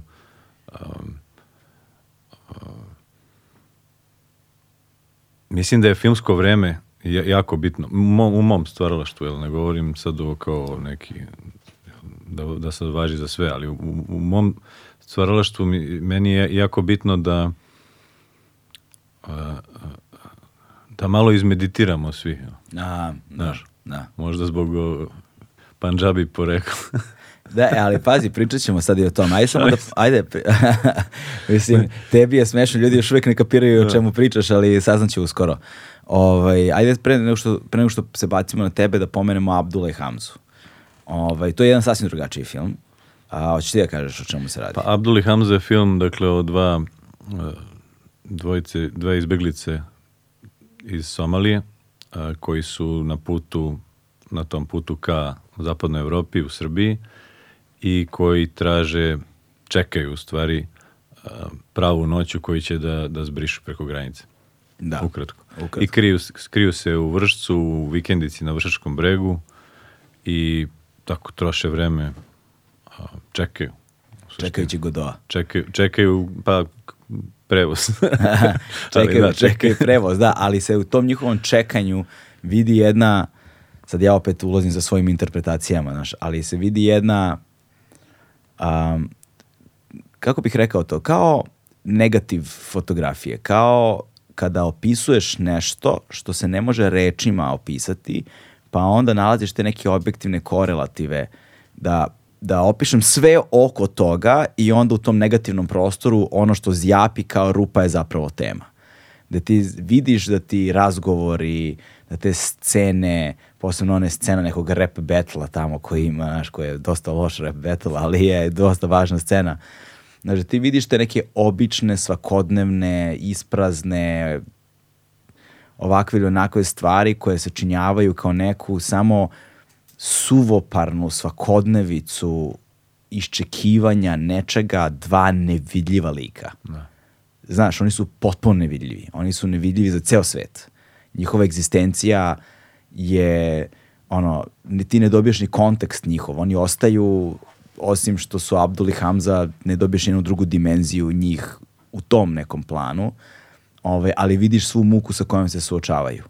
Znaš, vidiš jednu bezizlaznost, bespomoćnost, prepuštenost na neki način ono, brojnim ne, nepoznatim faktorima koje pokušavaju nekako da uhvate na kon- da uhvate neku kontrolu nad sopstvenim životom, ali vrlo malo toga mo- I naravno, ono, najbolji mi je bio taj dijalog koji se dešavao nekoj klupici u parku ili gde li je već sa onim likom što cirka pivo i priča na engleskom kako je on postao otvoren za islamsku zajednicu. A, da, o, Miće, Miće Anđelović. Pozdrav za Miću Anđelović. Da, da, da, znaš, to. to- Znaš, oni kao slušaju. Da, da, da. da, da, da. znaš, Pa ne, jeste, ali to je neki naš život koji, mi, koji se njima tada dešavao na neki način. Dosta sličan. Nismo, kako, ajde ovako, kako si ti njih našao? e, našao sam ih e, I otkud oni baš? U, u Krnjači u, u azilanskom centru. Ali otkud ti tamo? E, imali smo castingi. U Bo- imali smo castinge za Čekaj, kako je nastala ideja za film? Kad je nastala ideja? Ideja za film je nastala, ja sam 2013. To je taj drugi film. Prvi je onom uh, Papketu ispred KST-a. Drugi film se zvao Bledo. I e, bio je neka vrsta video dnevnika mojih odlazaka u Banju Koviljaču u, u ovaj, e, izbeglički centar, azilanski centar. A, to je kratki film koji je trajao 25 minuta i ko- u kome nisam imao glavnog lika, nego je glavni lik bio taj centar, recimo, aj tako da kažem. I on, onda nisam bio baš zadovoljan a, načinom na koji je taj, nisam bio zadovoljan tim filmom do kraja, zato što sam ipak mislio da treba na- na- naći jednu ili dve osobe pa da kroz njih govoriš o mnoštvu nekako. Činilo mi se to, da je to humanije, nego da jednostavno samo snimeš taj centar i tako ne posvetiš nekome dovoljno pažnje, razumeš? Jasno. I? Nekako to, to mi nije išlo. I onda sam prvo mislio da to treba bude jedna osoba samo, ali se me, vremenom javilo da treba da budu dve, jer mi je bilo zanimljivo da oni imaju neke njihove zanimljive razgovore. Jer ako je jedan, onda on samo sedi i čeka i, razumeš? A ovako Nema imali- dinamike nikakve. Nema dinamike, nema, nema komunikacije ni sa kim, da. A, I onda smo išli po tim centrima, bio je u Bogovađi je bio a, veliki ovaj, taj centar azilanski i jednostavno pričali sa ljudima snijemo film, znaš, to su potpuno razumljivo. Ljudi su nepoverljivi jako, znaš. Da li mi nešto ćemo da ih zeznemo, da im maznemo kintu neku, da li ovo, da li ono, znaš, ko zna kroz šta su sve već prošli do tada, znaš. Tako da sad se pojavljamo mi um, trebalo je vremena, vremena, vremena, vremena, vremena, vremena, da zaista da se zaista uspostavi neki odnos između ovih. I sad u Bogovađi smo našli prvu ekipu. I onda smo onako se svi srećni vratili za Beograd da bi posle dva dana uh, oni javili da oni moraju da pale. Mhm. I to je sve okej. Mislim, život život bitniji od našeg filma, naravno. Ja bi zapalio isto. realno, realno, da. O, I onda smo o, odustali od Bogovađa, onda smo otišli u Krnjaču, ovaj prihvatni centar. I pa eto, ne znam, ovaj, sećam se, bukvalno koji juče da je bilo, smo ušli u mm, svaka soba ima valjda po tri kreveta na sprat. Smo ušli u nekoliko soba. Prvo su ovi pitali da li je neko zainteresovan uopšte da se snima i onda smo ušli u tu sobu da su njih dvojica bili. Abdul i Hamza. Abdul i Hamza, da. I hteli su da učestvuju Kad, kad su te videli, šta su rekli? Ne sjećam se. Ne sjećam se. Hamza, nije, Hamza ne zna engleski. Mhm. Tako da smo mi radili s njima tako što uh, sa Abdulom pričamo na engleskom, onda on njemu prevede šta treba se do, događa. Okej, tako, okej, tako okej. izgledao radni proces. Um, ne sjećam se šta su mi rekli, ali znam da smo mi vrlo brzo dobili dozvolu od ministarstva da njih izvedemo iz tog centra. A, vi ste, ok, znači ti si na svoju odgovornost kao to. da, da, apsolutno na, na, Mhm. na svoju odgovornost. Otišli smo ovaj, sa dva automobila uz papir, naravno, ali naš uh, blizu granice tamo, Vršački breg gore. Sve mi im- imamo papir, ali ovaj, može policija nešto da istripuje da, mi, da uz taj papir ćemo mi njih da pustimo, ne znam, da pređu u Rumuniju, šta ja znam. Ok. Ali ovaj, onda smo bili smešteni sve vreme u tom planinarskom domu na bregu i to je bilo onako baš strava. Jer smo bili svi zajedno na jednom mestu. Koliko vas? Nas trojica, Jeca Gavrilović, znaš Jecu Gavrilović? Da, mislim, A, rediteljku. A, znam, znam, znam, znam Pa ona, ne. ona mi je jedna od najboljih drugarica zapravo. a, super, pozdrav za ovaj, Jelenu. Pozdrav za Jecu. Um, ona je bila asistent režije, imali su, imao sam još jednu asistentkinju, uh, uh, Mare Milovanović snimatelj, to je, Mm. pardon, direktor fotografije, se ne uvredne. Um, 3, 4, 6. Mića sa klupe, on je Mm. dizajner zvuka. Devetoro.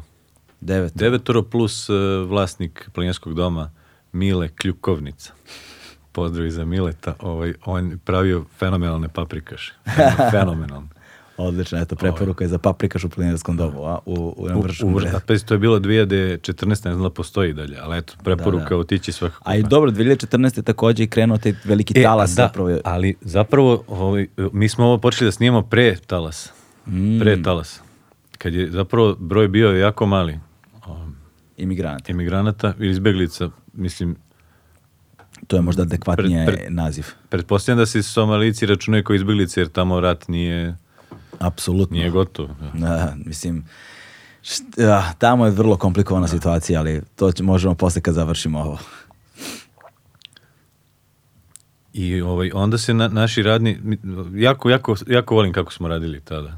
Ovaj, to mi je onako možda najdraži rad na, na, na nekom filmu do sada. Radni dani su se sastojali iz toga što ustanemo, pa šta znam, oko osam valjda, i onda Abdul Hamza, Jeca i ja odemo sad imaš planinarski dom, pa onda 2-3 km bliže gradu ima neki kaf, kaf, ne kafić, opet neki dom, kafana, restoran, ne znam, ali koji je mnogo bliži tom mestu na kojem smo mi snimali. Okay. Onda mi odemo tamo, sednemo za sto i ovako scene imamo koje ćemo tog dana snimati i sa njima razgovaramo o tome da li je to njima ok, da li je uh, realistično, da li smo odlepili potpuno šta pišemo. Da neke stvari su nam rekli da, ovaj, da na primjer, na primjer kao on, on, bila je scena da je, ovaj, se oni nešto kao kriju na nekoj po- polju, nekom noći i onda zapale vatru neku od dva, dva i po metra, tri. Da.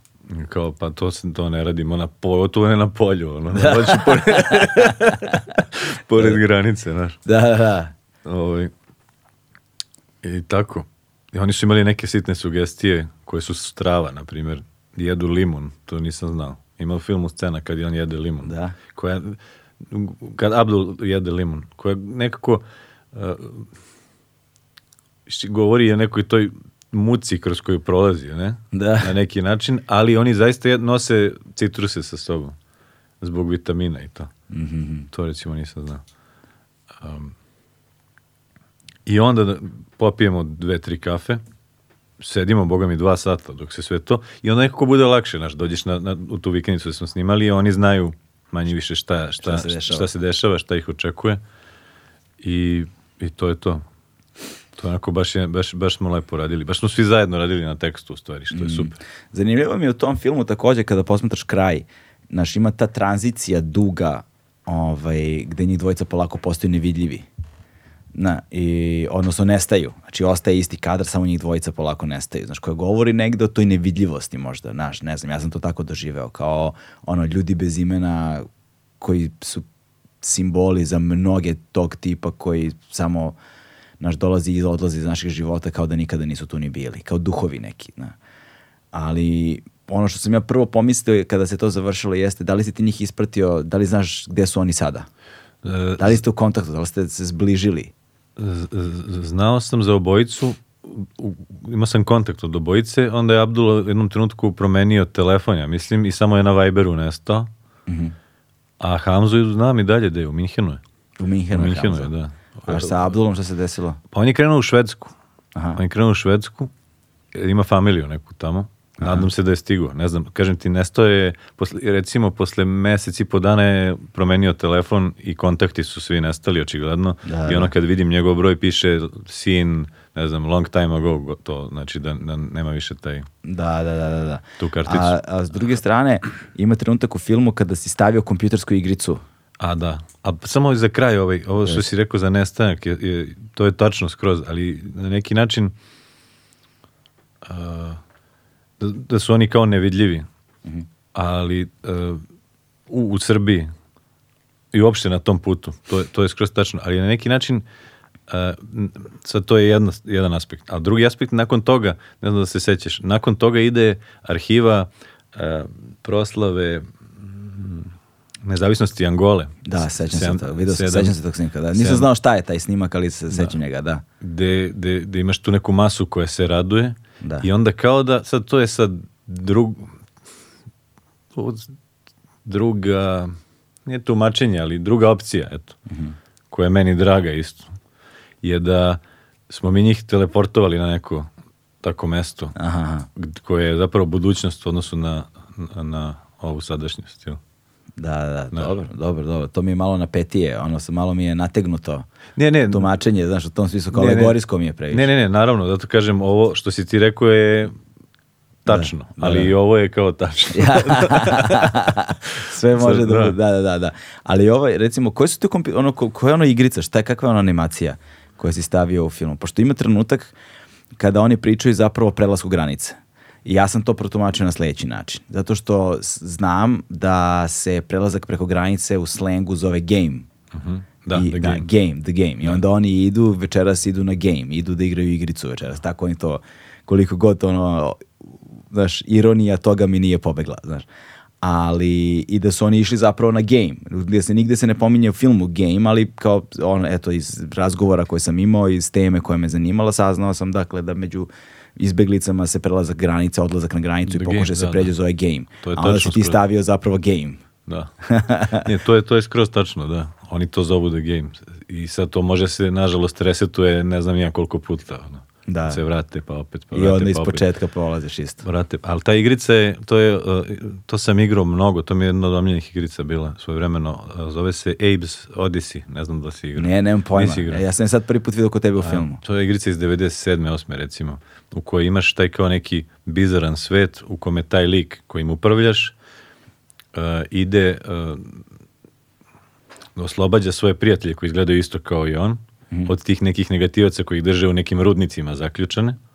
Oslobađa ih tako što ih doziva, doziva, onda se svi okupe pored nekih ptica koje, em, sad kako da ovo objasnim, da slušaju ljudi koji ne gledaju. Um, jato ptica se oko vrti u krug. I onda on kad dođe do, do, ti- do tog jata ptice kreće da peva i svojim super moćima od, tog, od, te ptic, od tih ptica napravi portal. I onda oni svi prođu kroz taj portal i idu na bezbedno, znaš. Dobro, To, da. to mi je bila jedna od, jedna od omiljenih igrica. I sad, u suštini, cela poenta te igrice je da se spase što više tih što je moguće. Mhm. Ali mi je bilo zanimljivo jer to dolazi nakon Hamzine sekvence, to je scene u kojoj Hamza spava na steni. On ukleše svoje ime, ukleše ime Hamza na steni na bregu vršačkom i onda onako se odmara kao super je posao odradio, odmara se, legne, spava i onda sanja tako, tu, tako neku Sad, naravno da ne očekujem od gledalaca da znaju koje igrice u pitanju, nije u tome stvar, znaš, Jasno. nego više u nekoj vrsti, uh, znaš, uh, a ponovljenog nekog zajedništva na neki drugi način. Um, jer jer u, toj, u tom segmentu u, koji on, u kojem on sanja, taj lik okuplja te svoje prijatelje i spašava ih kroz taj portal. Tako to sad naravno da, da, ne, da možda 5% ljudi zna za igricu.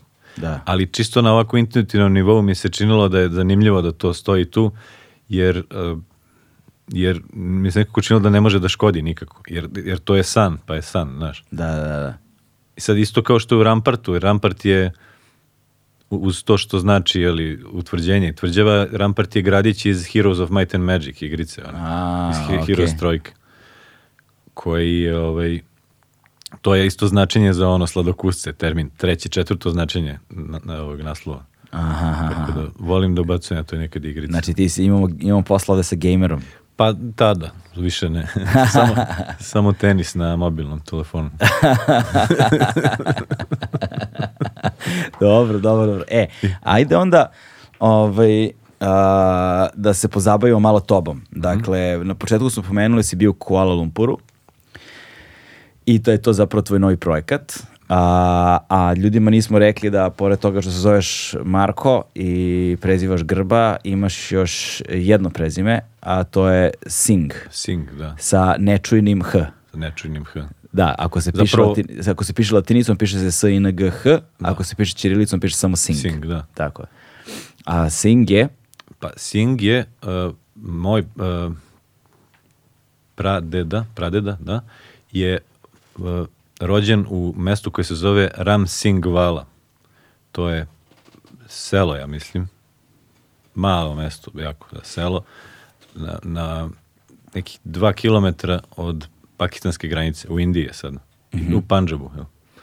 I blizu je Amritsara, ovog grada koji je u kom se nalazi zlatni hram Sik, Sika ovih, Sik, Sik Sika, religije. Da. da, Sika. Tako da um, uh, on je kao klinac došao znači, iz te Ram Singh vale sa svojim ocem i krenuo na put u, na Malajsko poluostrvo. Tad Malezija još nije bila nezavisna država, to je sve bila Britanska imperija. Ali ovaj, oni su krenuli na put uh, između ostalog zato što su uslovi za život bili bolji tamo. ko, kojim godinama govorimo? Govorimo o 1900 i 10. 11. Ok. I znači moj pradeda je kao klinac sa svojim ocem, mojim čukundedom, koji se zvao, pradeda se zvao Munta Singh, a čukundeda se zvao Hakam Singh. I našao sam fotografiju sad u Kuala Lumpuru iz 1913. Wow. gde su oni svi Pred ovaj, početak prvog svjetskog pred rata. početak prvog svjetskog rata. Da, to je baš ludilo. Sa tradicijom dugom skoro tri decenije, Legend Worldwide je prepoznatljiv domaći brend sa akcentom na jeans, pre svega, koji odlikuju bezvremenski, klasični modeli. I ovaj, onda su oni došli i sad ima tu više, više objašnjenja ovaj, zašto su bile tolike migracije ljudi iz Pandžaba, to jest Sika, pre svega ovamo. Um, sad ja ti govorim šta su meni ljudi pričali. Jasno, To je jasno. ovaj, um, prvo uh, u, na Malajskom polostrvu u to doba uh, je bio razvijen uh, uh, rudarska industrija za uh, kalaj, metal, onaj. Mm. Tin na engleskom. Tin mines. Znači, bilo, bilo, je, bi- bilo, je, bilo je promreženo sve tim, tim rudnicima i bila im potrebna radna snaga i bio, je- bili su bolji uslovi za život.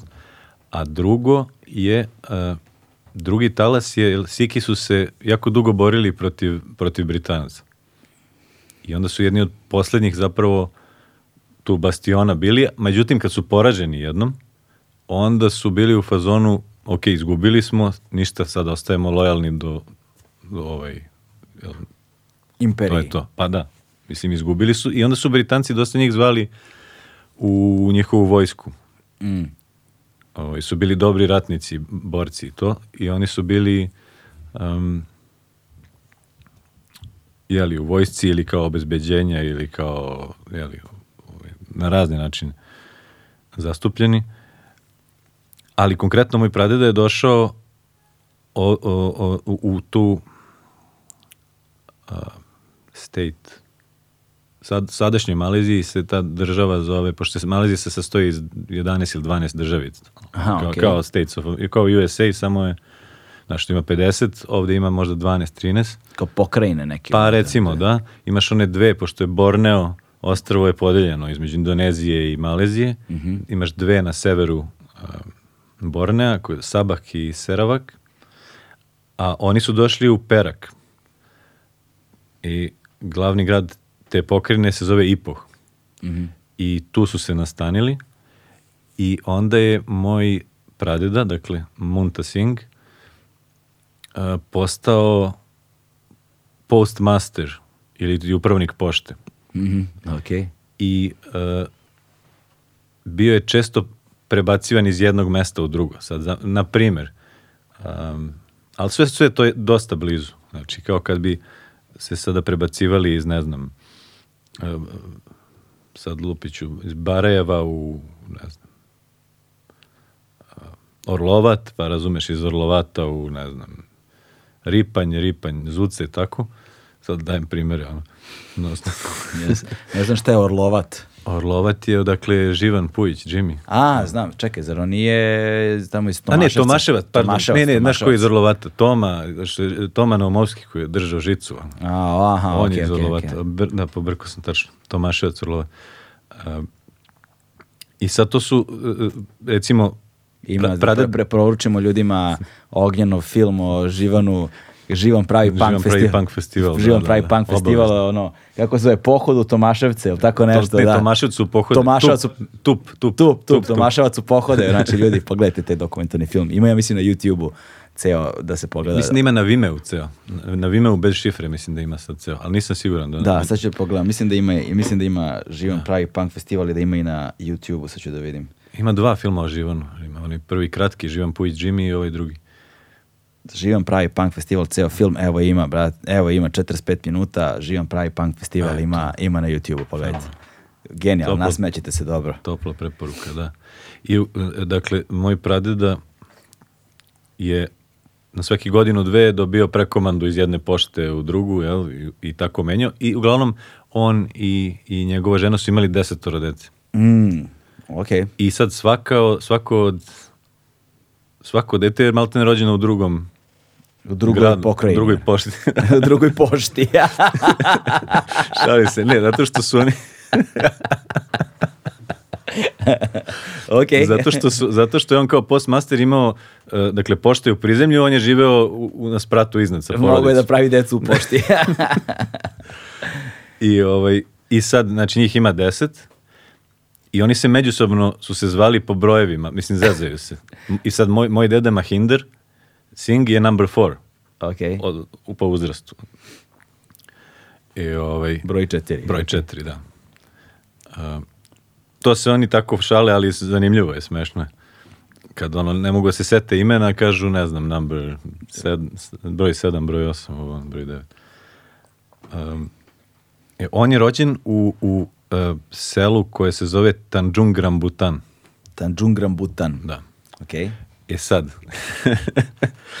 ovaj, sad, ja kad sam, do, ja kad sam došao, ovaj, sam rekao familiji da hoću da idem u Tanjung Rambutan. I, i ovaj, prvo su bili onako malo začuđeni, onda su krenuli da se smeju E, ispostavio se da je u tom Tanjung Rambutanu najveća mentalna klinika u Maleziji. Ok. da. I, da je, I da je to fora kao, da je to kad neko kaže hoću da idem u Tanjung Rambutan ili, ili na, to je interna fora njima tamo kad se zezaju, znaš, kad neko glupi neku glupost, kažu mu kao, ma ti treba da ideš u Tanjung Rambutan. A, ok, E. ok. Koliko što ga nas kažu ideš u lazu. Pa, recimo, da. Ali, ovaj, e, on je rođen tamo 1925. Mhm, I um, onda je, onda naravno su se premeštali iz jednog u drugi ovaj, uh, gradić. Odrastao je u jednom drugom gradiću koji se zove Kampar i onda je došla japanska okupacija. Onda je učio japanski. Um, pričali su mi da je to jako brutalno bilo zapravo. Jako, jako brutalno. Japanska okupacija. Da, da, japanska okupacija Mal, Malinskog poluostrva jel? i Singapura. Uh, onda je nakon okupacije otišao u Singapur i radio je u uh, tekstilnoj nekoj uh, kompaniji koja se zvala Jan Sing, nije sad ni bitno to. I uglavnom, početkom 50-ih je uh, odlučio da, da, da ode u Britaniju, da studira. I da studira prava. I onda je, to je recimo 50 sad, ne znam. Čekaj, oni svi govore engleski, beš, ali tako? Pa, svi su znali, da. Zato što je britanska kolonija Da, tu da. bila, da, pre im, Da. japanske imperije, ok. Da. Pa japanska ta je trajala okupacija dve, tri godine. To. Pa da, ne, nego znam da upoznao sam dosta Malezijaca i upoznao sam dosta ovaj, stanovnika Singapura. Kako se kaže? Singapuranin. Nemam pojma. Dakle, stanovnika Sinda- Singapura. Ovaj, I oni govore savršeno engleski. Singap, Singapur posebno. Znači, ljudi iz Singapura koji se prvo strahovito su obrazovani. Njihovi univerziteti su tamo i odlični. Mislim da, su- da mislim da je njihov glavni univerzitet, ne znam kako se zove, u Singapuru, sada ono pre, prevazišao, ušao u top 10 najboljih fakulteta na svetu. Ono, da je ono, rangu sa Oxfordom, Harvardom i tako dalje, imaju izuzetno jako obrazovanje. I znam da to ljudi što sam, ove koje sam upoznao govore, govore, govore engleski, ono, kao prvi jezik im je engleski praktično. I upoznao sam ljudi iz Malezije koji govore veoma dobar engleski govore. Tako da, pre- i Filipinci takođe i ne znam, gosta njih ono, polažu strašno taj engleski, a imaju ga, ja mislim, kod britanskih kolonija i to je kao nasleđe. Kao što u Indiji se govori engleski. Apsolutno, U kućama se govori normalna stvar. No, pazi, ovo je manjina ipak, znači Panđabi, ovaj, Sika ima možda 2-3% u Maleziju. Tamo su, Ma- Malajaca ima 60 i nešto i Kineza ima 30, 25, 30, ovo su ostalo su, su jednocifreni procenti. I onda je on otišao u, u London, u Veliku Britaniju, da studira i eto tako se desilo da moja baka išla na usavršavanje tamo, Gordana Grba odavde iz Beograda Ok. i oni su se upoznali Kako tamo. usavršavanje, šta? Pa ona je završila engleski. od- Aha, aha, ok, ok. Ona je bila profesorka posle pedagoškoj akademiji pa na filozofskom fakultetu, Mhm. penzije sad. Napunila 90 godina pre mesec dana. Ovaj, Wow. Da. Da, svaka čast. I? I, ovaj, I ništa, pa tamo su, se, tamo su se upoznali i tamo su se venčali i to je Grba Singh. Da. Onda, Mislim, na snimcima iz 99. ove u filmu Rampart mi vidimo uh, koga tebi, pošto vid, čini mi se da sam, vi- da, da, sam, da sam video ono osobu koja je iz mešovitog braka.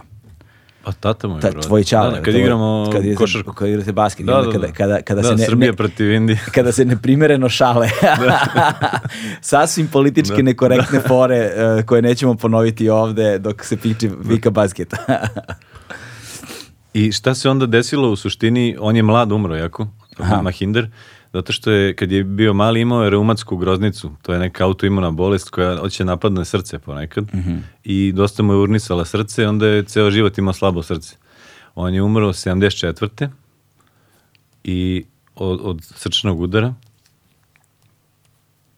i naredni kontakt sa familijom je došao 2012. 13.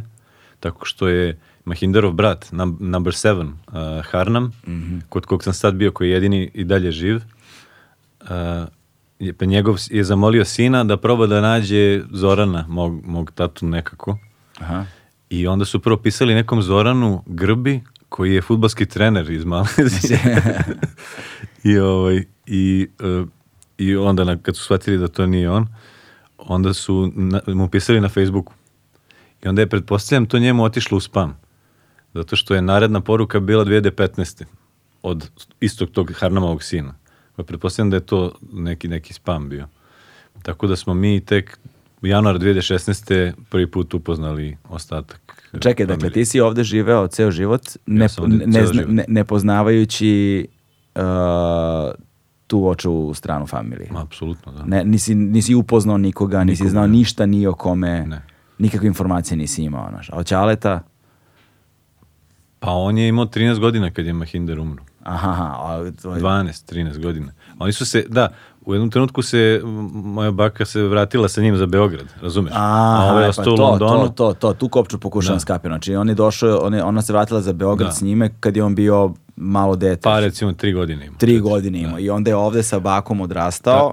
Tako je. I onda su se vid- vidjeli nekoliko puta još i pre njegove smrti. Ali to je recimo da su oni došli 64. pete u Beograd, on je umro 74. Aha, znači. I od tada, da, od tada ništa. Aha, je tada ništa. I, a ti nisi imao nikakvu tipa ono, dokumentaciju, fotografije, iz priča da si znao Ne, neke pazi, zna- informacije. Nisam znao imena. Nisam znao imena. Znao sam da, znaš, sigurno je, logično je da postoji familija tamo, ono. Da, da. Nisam znao imena, imao sam Mahinderove pasoše koje imam i dan danas, malajske i Singapur, e, Federation of Singapurske. Malaya, da, imaju singapurske državljanstvo i, i malezijsko. Mhm. A, to sam imao, to je, to, stvari, to je tata e, držao ovaj, kod njega, ali to je u kući bilo. A, I to je, to je manje više to nekoliko fotografija, kad je on bio ovde, Mahinder na Kalemegdanu i to. Aha, bio je ovde. Bio je, bio je u Beogradu, da. Par puta. I manje više je to to. I sad onda 2015. nas oni zovu, krajem 2015. nas zovu na kao reunion, na okupljanje Aha. u Kuala Lumpur. I onda smo januar 2016. Pet dana smo bili samo, oko Božića tamo. I kako je to iskustvo bilo? Pa, znaš šta, prvi put, iskreno, evo, sad mi je bilo baš, baš, baš, baš lepo i neko baš, baš sam mogao da da dublje upoznam malo te ljude. Mhm.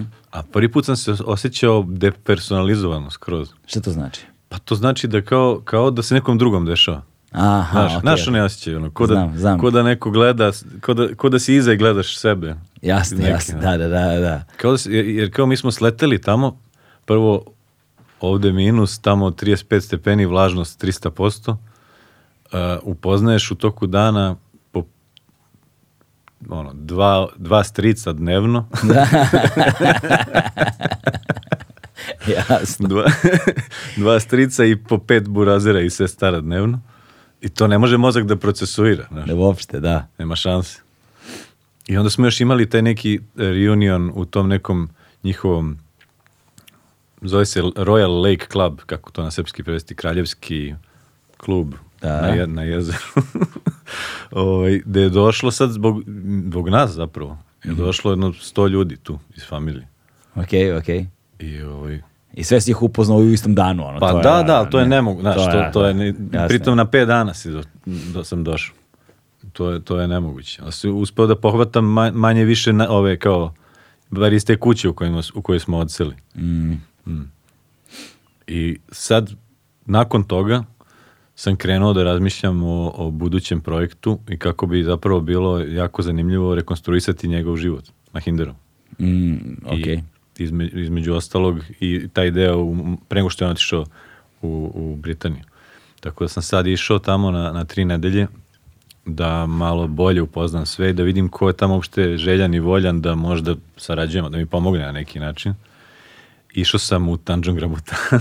Da, da. Išao sam u, um, u sve te, na sva ta mesta gde je pradeda imao, gde je radio u poštama. Aha, znači obilazio si sve te pošte. Da, da, da, postoji i dalje. Samo što su urušene onako. Ovaj, po- Postoji ta u kojoj se Mahinder rodio zapravo, iz koje iz iz bolnice došao, došao tamo. Jel funkcioniš ili sam Ne, urušen? ne, ne, ne. u- o- postoji kao zgrada, ali je zaraslo ono. Da, obrasla rasti- sve, rastinje, raslo, da. obraslo sve, ali sam snimio, snimio sam, znači ti si pošto sa kamerom i sve. pošto da, ovaj, Koju kameru Ne, koristiš? pošto sam sa, sa, sa ponosan stativ, ponosan e, zoom, snimač za, Da, za da, zvuk da, da. i- i ponosan iPhone e, 11 Pro Max da snimam Ok. 4K. A, mislim, ovo je za istraživanje, nije još počeo film da se snima. Jasno, Čovjek, jasno, jasno, jasno. Um, tako da u ovoj turi sam obišao ta mesta, obišao sam to me, tih nekoliko mesta gde su bile te porodične kuće nakon toga i, i upoznao sam opet to, dva strica dnevno, samo kad je u 20 dana onda je, onda je lakše. Da je lakše, da, da. Ima, ima si priliku i da se povežeš i da od, od- osjetiš nešto, da. Pa da, da, da. A nekako na kraju krajeva shvatiš da ono, da su neke stvari univerzalne i manje više iste. svuda. Kao na primjer. Pa kao, na primjer, pa šta ja znam, način na koji, na koji funkcionišu venčanja u hramovima. Mhm. Bio si na venčanju. Pa nisam bio, ali su mi pričali jer sad e, od jednog strica, znači brat od strica, od tog Amana, se ženio u julu, pa su me zvali opet sad na svadbu. Mm. Ali, ovaj, pa to kao ako se, ne znam, plaća se sveštenik, to jest ne sveštenik, nego kako se zove ta osoba tamo, jel? Um, bio sam u hramu njihovom. Uh, u, u hramu koji, oni, njihov hram se zove Gurdvara. I ovaj, bio sam na tim njihovim pošto, pošto se zadesilo da smo bili tamo za vreme njihove nove godine. Kad je njima nova E, godina? Njima je nova godina, to je bio, jo, sad ću da te slažem, Vajsaki je nova godina. A, da je to bio 14. na 15. april. Ok. I ovaj, tad se ide u hram i tada o, o, tri dana bez prestanka se čita ta njihova sveta knjiga. Aha, ok. A oni su uh, verujući prilično tamo i praktikuju ili... Pa kako ko, starije generacije više. Da. Mlađi, mlađi ne. tvoja porodica? Ali, pa ne toliko. Zapravo, cijela ta ekipa od, od četiri do, do sedam, osam. znači Mahinder, njegov brat, eh, taj Harnam, Gurmuk i još jedan su, oni su, to su mi pričali sad tamo, oni su u jednom trenutku poskidali turbane. Aha, Znaš, ok. krajem 50-ih to. Poskidali su turbane i tačno vidiš u fotografijama porodičnim, ovaj, recimo 40. svi s turbanima, kraj 50-ih, 60-ih ono, kola, zezanje, nema turbana, nema. Da, da, da, to je kad je, ta, kad je krenula hipi kultura. Pa da, manje više. Da, sad je, znaš, zanimljivo je razmišljati o tome kako se, kako se, ta, kako se taj pokret razvio zapravo u azijskim zemljama. Jer kad posmetraš muzičke fenomene koje ja volim da pratim, svašta se tu zanimljivo dešavalo. Posebno kada posmetraš jugoistočnu Aziju, kada posmetraš Tajland, Kambodžu, Vijetnam, uh, Laos, naše okolne, okolne zemlje. I ti kad zapravo kad vidiš kako su kako je prisustvo američkih vojnih baza u Kambodži, jel te u Vijetnamu, kako je uticala na menjanje kulture. Da ne govorimo o ratnim sukobima, ne govorimo o oslobađanjima od francuskih, britanskih kolonija, ovoga onoga, ali francuske kolonije su tamo bile do duše dominantne, van Tajlanda, Tajland nije bio kolonializovan nikad, ali recimo klinci su hvatali, na primer, naš tih 60. godina su hvatali frekvencije američkih baza i radio stanica na svojim radio uređajima. Znaš, i onda su upliv svog ono, lokalnog melosa, jel te imali strahovit uticaj a, ono surf roka i psychedelic roka, ono Beach Boysa i te kalifornijske muzike 60-ih se- godina, naš krajem 60-ih godina, koja je vrlo zanimljivo onda uticala na kreiranje njihovog kulturnog nasleđa tih dece tadašnje, a potom ono kasnije ozbiljnih muzičara i ti kad čuješ te utice, to strahovito dobro zvuči. Ono, recimo, treba, mogu ljudima preporučiti da poslušaju, recimo, Kun Narin, Electric Pin Band, tajlandski, koji svira tajlandsku psihodeličnu muziku pod uticajem upravo ono tog sekodelike surf roka. Znači ima ono kmer muzika, kambođanska ima jako puno uticaja. Poslu, poslušajte kambođanski surf rock, ono svašta će da vam izađe, vrlo zanimljivo, znači i onda me sad zanima, i onda vidiš, i onda kada uđeš kroz muziku, uđeš i u njihovu modu, vidiš te muzičare, vidiš kako su se oblačili, i vidiš te uticaje, i vrlo je zanimljiva ta interpretacija zapadne kulture, ovaj, kod njih posebno u tom periodu i vid, vidiš koliko su progresivni ljudi bili, masovno su odbacivali ovaj, te stege tradicionalnih odnosa i uređenja koje su do tad važilo u društvima mnogi mladi 60. godina u tom periodu, u, u tim delovima sveta. Slično kao i ovde na neki način, čini mi se. S tim naravno da postoje ključne razlike, ali je vrlo zanimljivo posmatrati ceo taj tok. Sad ne znam znaš, kako to izgleda iz, iz tvog ugla kada posmatraš te fotografije, kad su oni odbacili turbane, jesu li bili osuđivani, jel, kako su društvene okolnosti uređenja bila tog vremena? Pa nisu, nisu, uh, uh, u stvari, uh, ovaj uh, Harnam, brat, koji je, koji je živi dalje, on je dobio stipendiju neku od, baš od, uh, zapravo, iz hrama tog, Mm, okay. da ide u Singapur i umeđu vremenu dok je to trajalo on je skinuo turban i kad se vratio bez turbana su mu zapretili da će da mu povuku tu stipendiju. Aha. Ali nije to sad bog zna kakva kazna, znaš. Jasno. A ovi, ovi ostali mislim da nisu, nisu imali, ne, pa ne, nemaš ti, mislim, ni, ni, ti dan, dan, dan danas nisi obavezi da to nosiš, naravno. Mm. Mislim da je, jer pazi, Malezija je 57. uh, proglasila nezavisnost, to jest postala nezavisna zemlja. Um, od britanske ovaj, imperije. Nisu, nisu imali mm, iz, iz onog što su oni meni pričali nisu imali neke, neke A reci mi, jel ti jes- član, porodica svi govore engleski jezik? Svi, pa ne, oni međusobno na engleskom pričaju. Međus, pa to, to, to, znam. Kao, znači, onda, što znači da si onda imao da daleko olakšavajuću okolnost u komunikaciji, odlasku tamo i kad si prvom susretu mogao si da komuniciraš zapravo sa svima njima. Ne, svi savršeno pričaju engleski i prič, znaju i panđabi, jel? Mhm. Ali, ali međusobno čak i kad nema gostiju, oni pričaju na engleskom. A, ov, da, a, a koje su ti bili najveći ono kulturološki šokovi ili kao stvari oko koje ste niste razumeli ili reference koje uzajamno niste kapirali? Sigurno je bilo svega i svačega to.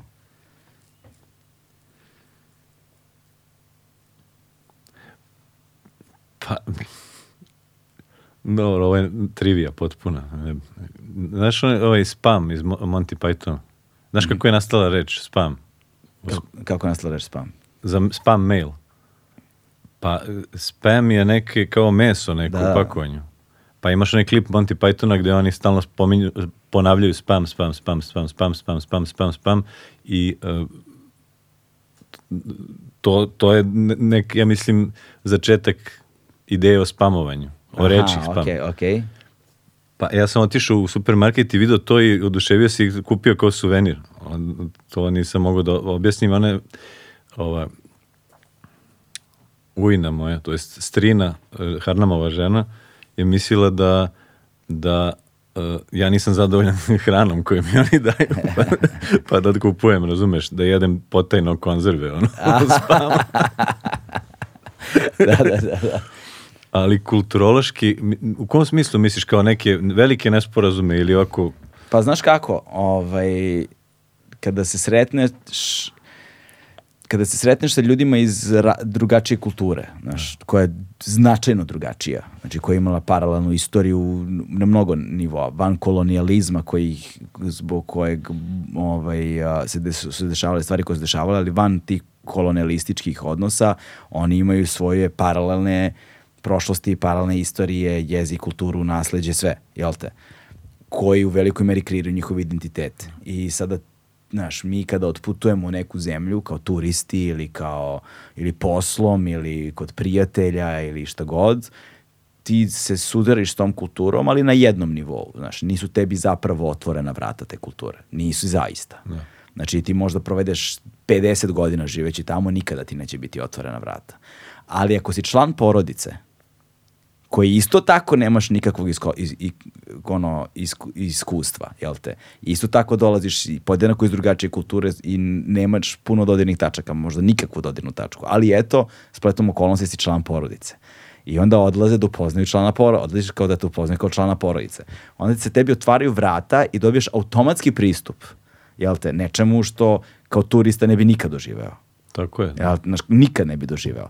Ali ti kada uđeš tako duboko u startu, sve je strano, sve je drugačije, sve je, znaš, kao s jedne strane ste porodica, s druge strane ste potpuni stranci.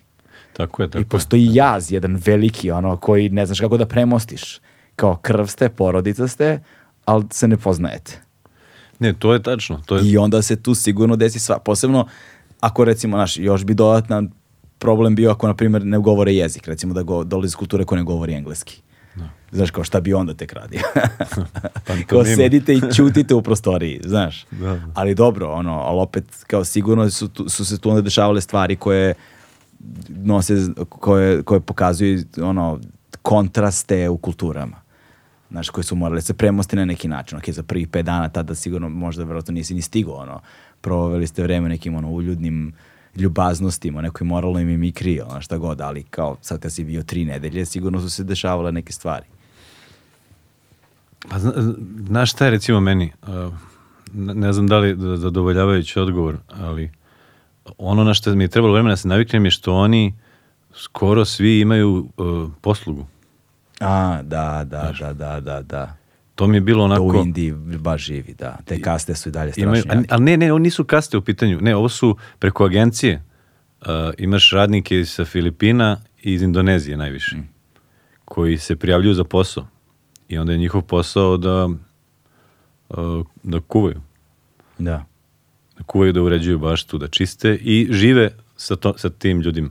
Tako da u toj kući imaš dve sobe za, u, koj, u kojima živi uh, jedna uh, devojka s Filipina i njen muž koji je iz Pakistana i njihovo dvoje dece malo. Mm.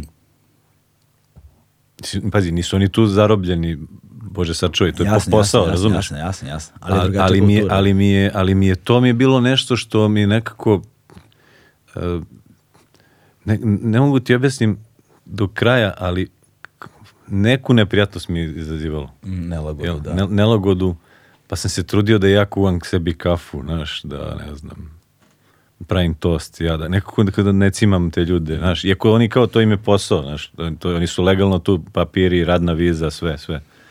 Ali, ali u skoro svakoj kući u kojoj sam bio, bar jedna osoba radi i živi Da, da. tu. To je bilo, to, to je onako, to je, to je, to je nešto što, Kako su oni tebe pravilo. Kako su oni tebe posmatrali? Ono, k- šta, koliko oni znaju o ovome ovde? Koliko ih je interesovalo? Da li planiraju da dođu?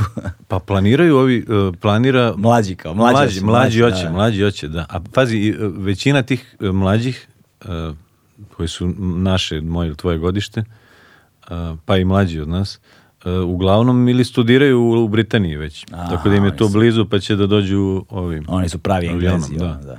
Ali, ali ovaj, neki, znaš, neki znaju mnogo, a neki ne znaju, misle da smo deo Rusije, na primjer. Da, da, da, da, da. Kao, kao većina sveta kad, kad pomeneš, da. Da smo deo, da, da je pokrena u Rusiji ili da je, ne znam, ili jednostavno ne znaju uopšte. Da, da. Ali znaš koga svi znaju? Neverovatno. Đokovića i Jokića. ali, ali bukvalno svi. da. Bukvalno svi. Naši stariji ljudi. Svi znaju. Da. Ovaj. A bio je taj jedan lik e, koji je e, radio za, za vojsku njihovu, sad je u penziji. On je, ovo, te po- porodični odnosi, e, veze, on je od zet mog, e, mog strica. Evo španska serija počinje. Zet tvog strica, okej? Možda je rodila dete, a ne sjeća se. Okej, zet tvog strica, dobro. Da. Pa on je radio u vojsci dosta dugo u ministarstvu odbrane i on je znao sve čoveče. Sve, sve, sve. I o raspadu Jugoslavije. I sada o, S- u Srbiji i o pitanju Kosova. Sve, sve, sve, sve. Neverovatno. da, Neverovatno. da, da. Ali mislim, to mu je deo posla, verovatno, znaš. Pa da, ali opet treba pokriti ceo svet i znati o naš različitim regionima i zemljama i kulturama i kao njihovim unutrašnjim previranjima, političkim situacijama, diplomatskim odnosima.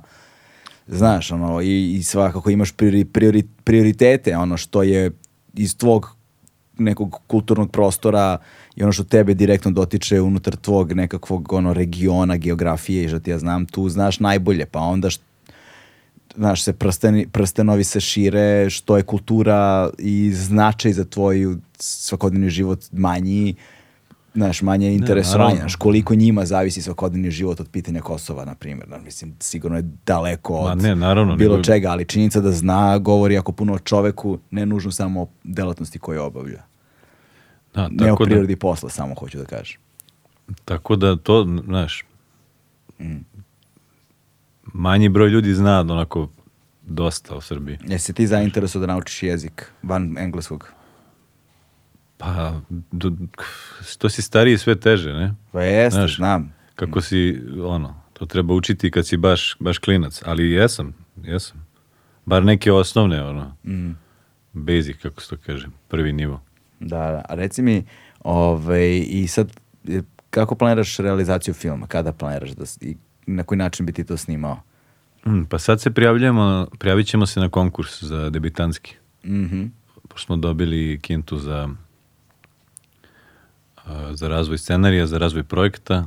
Znaš kako to ide u konkursima FCS? Nemam pojma, Pa ispričaj pr- prvi krug ti je, či prijavljaš se za razvoj scenarija.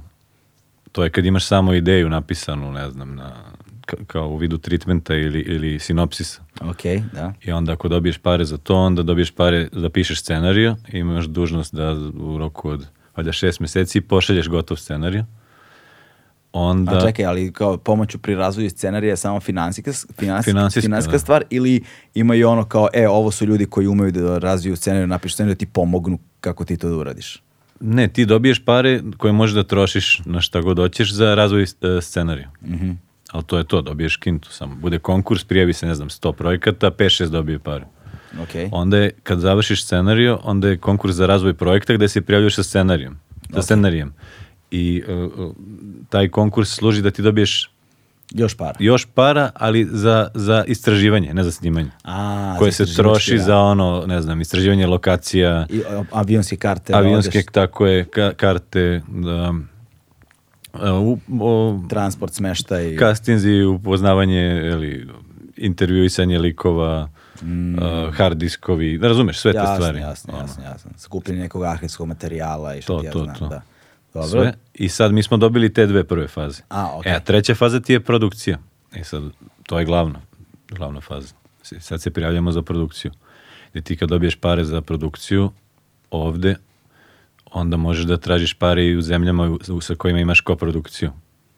Znači mi za sad imamo Srbiju i Francusku samo, ali ti ne možeš da tražiš pare dok ne dobiješ pare u, u, u, u U Srbiji. matičnoj zemlji, u da, da, da, zemlji. da, da, da, da, da. Tako da sad je konkurs, ja nisam siguran tačno, ali A koliko vama para treba za realizaciju na tog projekta? Recimo, ako bi ti morao da radiš jedan dobar deo priče, bi bio tamo. i tamo i u Britaniji i ovde. Znaš, a Trenutni koliko budžet, Bi veli- kolika bi velika ekipa bila, barem vas troje. ma i više. Pa da, kažem, to je on neki kostur, skeleton, ono, kao skeletor, kao bi bio tri osobe, ali moralo bi više svakako.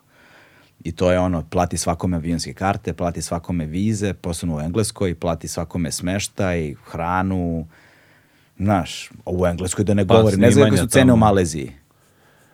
Pa približno ovde naši. Koja je malezijska valuta? A, Ringit. Ringit. Ringit. To znači, to je stara reč koja znači u- po-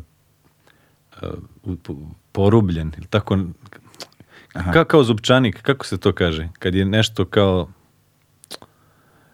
Zato što su ti stari neki španski novčići koji su dolazili do njih, nisu bili pravilnog oblika. Aha, okej. Nego su bili kao iz- izrezbareni onako, Da, da, da. znaš.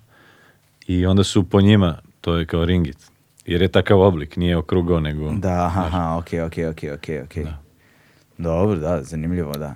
Ovaj, I recimo, naš, koliko, koja je procena, koliko bi vama novca trebalo, koliko novca bi trebalo, koliko si planirao uopšte da boravite tamo, koliko bi ti trebalo vremena da snimiš sve to? Pa treba mi dosta, pazi, jer po sada po ovom tekstu o- ovaj film je uh, uh, na neki način uh, igrano, igrano dokumentarni film. Aha. Jer ti imaš uh, u, u scenariju je zapravo uh, jedan manji deo je uh, dokumentarno, dokumentarni skroz, znači nekih 30% možda. Gde, gde, um, gde se Mahinderov život rekonstruiše. A u igranom delu se uh, uh, uh, ono što se sazna o njemu u tom dokumentarnom delu, a, od toga se pravi lik u igranom i e, njegove osobine a, koje, koje saznajemo i njegov život koji saznajemo se aktualizuje u sadašnje doba. Aha, Tako okej. da to je neka kao vrsta uh, igrano dokumentarnog filma u koji kro- kroz, kao da imaš dva ogledala, jel? Mm. Uh, kroz tu dokumentarnu celinu gradimo lik u igranom, igranom Je li delu. to umetnička odluka ili je s druge strane prouzrokovana možda nekom nužnošću nepostojanja jasne dinamike ili arhiv, arhivske građe koje bi mogla da se koristiti? Ne, umetnička odluka, apsolutno. Mhm. Zato, što je, zato što je jedna od pointi to- tog filma je, pošto ja njega nikad nisam upoznao, on je umro 74. ja sam rođen 88. A, ideja je da, da se na, ga bar, bar na ovaj način sretnemo, da. Aha, u, znači- fik, u fikciji. Znači, o, onda ćeš ti da budeš participati, onda participativan deo ono filma, znači hoćemo vidjeti tebe, Vidjet ćete me, da. pa to, vidjet ćemo tebe u filmu koji nas vodiš kroz tu priču. Da, s tim što u jednom trenutku, mislim sad ovo je dosta sl- složen i- tekst, ili u jednom trenutku e, taj lik reditelja prelazi iz dokumentarnog dela u fiktivni. Onda tako se upoznajemo mi. zapravo. Znaš, onda imamo susret, ovaj, imamo su- zanimljiv susret koji nikad nismo imali. Da, da, da, da, da, da, da. U kojem ti zapravo odmotavaš klub koji saznaješ i o njemu i o Pa sebi. ne, on, više on kao da saznaje, ali i ja naravno. Ali, da. Mm, mm, zanimljivo, da. Nema puno takvih priča zapravo. Posebno nema puno takvih filmova koji se bave tim spajanje, spa- sp- spajanjem kultura na tom nivou s ovih prostora. Znaš, znači, ima tih priča u zemljama koje imaju veći diverzitet naravno u populaciji, ali ovdje gde je prilično homogeno društvo, ovaj, nema puno takvih priča, pa mi je to vrlo zanimljivo. Znaš, da će, se, da će se jedna takva priča ispričati. Ajde da saznamo nešto malo više, jel te, o Maleziji. Znaš, nije baš da imamo puno uh, motiva i sadržaja da učimo više o tim zemljama, posebno zemljama Azije, jugoistočne Azije pre svega. Ne? Ovaj, a, a na samom Beldoksu, kad već govorimo, da se vratimo malo na jedan od razloga Da, da. zašto si tu, kao umetnički direktor Beldoksa koji počinje nešto uskoro. 10. maja. U, pa to je sad, čoveče, da, da, da. Ovaj, šta nas čeka tamo? 10. maja otvaranje, na otvaranju će biti Mladenov film. Ovaj, još jedno proleće. Još jedno proleće, da, Dom odlično. omladine. Eto, ljudi su me masovno pitali gde mogu da odgledaju film o Varioli Veri. To je film, da, o, o, sastavljen, rekao si već, od arhivskog materijala, 72. znači epidemija variole. Um, narator je Zoran Radovanović, koji je bio tu gost kod tebe, tako da tu sad nema šta mnogo da, u stvari, znaju već, vjerojatno. Ljudi, to je odličan je taj film. Zapravo odličan je film zato što te nekako iz a, ovaj, kao testimonijal je negde i zapravo iz ugla aktera i svedoka i to je jedno od ključnih osoba celokupno tog događaja vodi od, od nultog do posljednjeg dana Variole Vere kroz ono strahovite arhivske snimke koji prikazuju to na jedan baš onako vrlo eksplicitan način. I sviđa mi se kako je to, baš mi se dopalo kako je to urađeno zato što ono, a, prilično autentično tačno i ovaj a, i slikovito u smislu da je jasno prenešena negde i atmosfera i duh vremena i ono celokupan ono istorija događaja tog na više nivoa od samog narativa što mi se s- svidelo jako dobro urađen film. Dakle sad će biti na Develdoksu, a? Tako je, to je otvaranje. Odlično. Eto, mogu da gledaju na otvaranju taj film. Na zatvaranju imamo film o pokojnom Gru, Dali, Dalibor Andonov. E, odlično. Ovaj, Gru je tu se zove. Mm. To će biti 17. Znači festival traje od 10. do 17. Um, imamo, kao i uvek, jeli, pre, stotinak, 100, 100 do 105 filmova. Uh, imamo mnogo gostiju iz inostranstva. Imamo Beldox Industry program koji je odvojen od ovog programa festivalskog koji se zapravo se, uh, služi nastajanju novih filmova Mhm, mhm. unutar industrija imamo jeli, uh, Beldox Pitching Forum gde ljudi sa poluzavršenim ili nezavršenim projektima dolaze da, da predstavljaju svoje projekte profesionalcima. A gde možemo mi koji samo imamo ideje u glavi da dođemo predstavimo nekome nešto? Um, da, napravit ćemo. Napravit Sljedeće nešto za ove koji imaju samo ideje u glavi koji bi da predstave nekome i da im onda neko drugi pomogne da urade bilo šta s time. I imamo, ovaj, što se tiče, eto, pa ne, sad da ne preterujemo sa, sa brojem filmova, ali a, sa najavama. Imamo, a, izdvojio bi recimo Super 8 Years, godine Super osmice, to je film od Nobelovke Ani Jerno, Mhm. koji je sastavljen od, od, opet od arhivskog materijala njene porodice. Super, Zapravo. sve, sve na super osmicama, pretpostavljam. 60 62. do ne, 8 godina ovaj, njene porodice. Um, imamo film Mariupolis 2. Um, ne znam da si ispratio to, reditelj uh, Mantas Kvadravičius, uh, litvanski reditelj je uh, koji je dobio 2001 2011. Grand Prix Beldoksa zapravo, je stradao, ubijen je u Mariupolisu, u Mariupolju Okay. prošle godine, kad je, pa pri samom početku ovaj, rata. I onda smo prošle godine napravili komemoraciju i pustili smo taj prvi deo njegov, Mariupolis 1, a umeđu vremenu je od tih njegovih posljednjih dana u, u, u Mariupolju, ono što je snimao, je posthumno je izmontiran ili napravljen film Mariupolis 2, Mhm, mhm. koji ćemo takođe prikazati na festivalu. Jer on je bio jedan od, od, od prijatelja festivala zapravo. Jasno, jasno. to je onako baš tragično, tragedija velika što se desilo. A s druge strane, problem sa dokumentarnim filmom ovaj, je takođe što veliki deo, posebno domaće produkcije i tih nezavisnih evropskih i tako dalje produkcija, jeste što oni uglavnom imaju festivalske živote. Znaš, mahom. Vrlo redko ćemo vidjeti bioskopske projekcije bilo kog dokumentarnog filma, pa čak i Oskarovaca, na kraju krajeva ne vidiš ih u bioskopima. Ovaj, oni obično završavaju na nekim streaming platformama, ali to su samo ovi najpoznatiji najkomercijalniji. A, sudbina velikog broja ovih filmova kojima govorimo je nažalost uglavnom festivalska i publika redko kada ima gde da ih vidi. Eto, Mile Turajlić, druge strana svega, ima da se vidi na HBO, Da. ali Mladena Kovačevića nema nigde, tebe nema nigde, ovih filmova I ima nema Rampart nigde. da se vidi na, ko hoće, na Cineseum platformi. A, na dio. Cineseumu. Na Cineseumu. Ima, ima nekoliko ovaj, domaćih dokumentarnih filmova tamo. Mhm. Ali je činjenica, upravo si skroz, Rampart je išao četiri dana u DKC-u nakon premijere na FAF-u, da. I to je to. To je to. I to je opet za neku usku beogradsku publiku koja ima naviku uopšte da ode na DKC da se raspita šta se dešava da bi ta četiri dana uhvatili. Što je isto kao kada mi je Mila bila ovde sa, sa, sa Labudović Reelsima, jel te, sa, sa non-alignment, dakle sa nesvrstanima i sa alžirskim oslobodilačkim ratom. To je 7-8 dana, koliko znam, bilo ovde u DKC-u. Ko je ukačio tada, ukačio je, ko nije ukačio, nema gde da vidi. Pa to je tačno, to jeste, to jeste jedan od, većih problema. Ovaj, I to jeste stvar za koju se treba boriti na neki način. Ja mislim da bi sad sami festivali poput Beldoksa ili ne znam šta imamo još, onih sedam veličanstvenih ili ne znam šta sve postoji. još. Slobodna zona. Slobodna zona, na primjer, i tako dalje.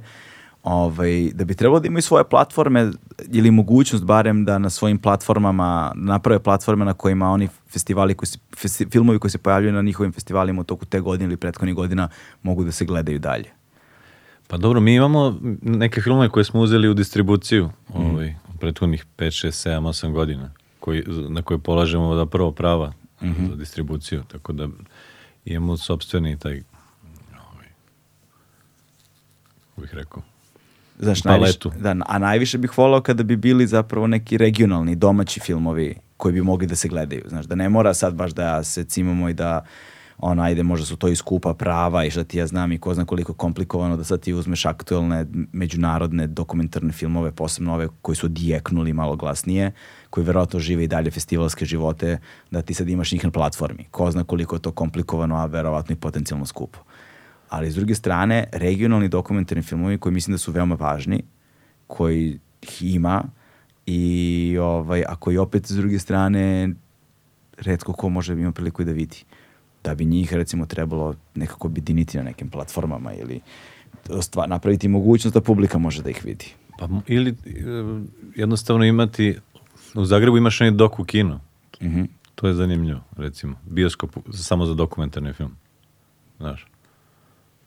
U kojem Sad to, to je nemoguće stvoriti preko noći, znaš. Jasno, da. Ali, ovaj, ali uh, mislim da, da, da, da postojanje tako nekog bioskopa ili mesta na kojem bi se cele godine puštali samo dokumentarni filmovi. Um, neki iz, znaš, što kaže za prava, pa mislim neke je nemoguće dobiti jeftino, ono.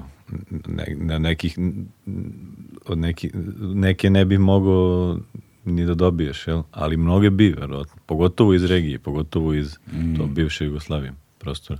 Pa da. Ja bih to baš Tako da, tako da to je možda neki, ovaj, Ne znam to je da- zanimljiv put. Ne znam da li kinoteka ima neke opcije, ono, šta tamo može. Pa neka kinoteka ima svoj program.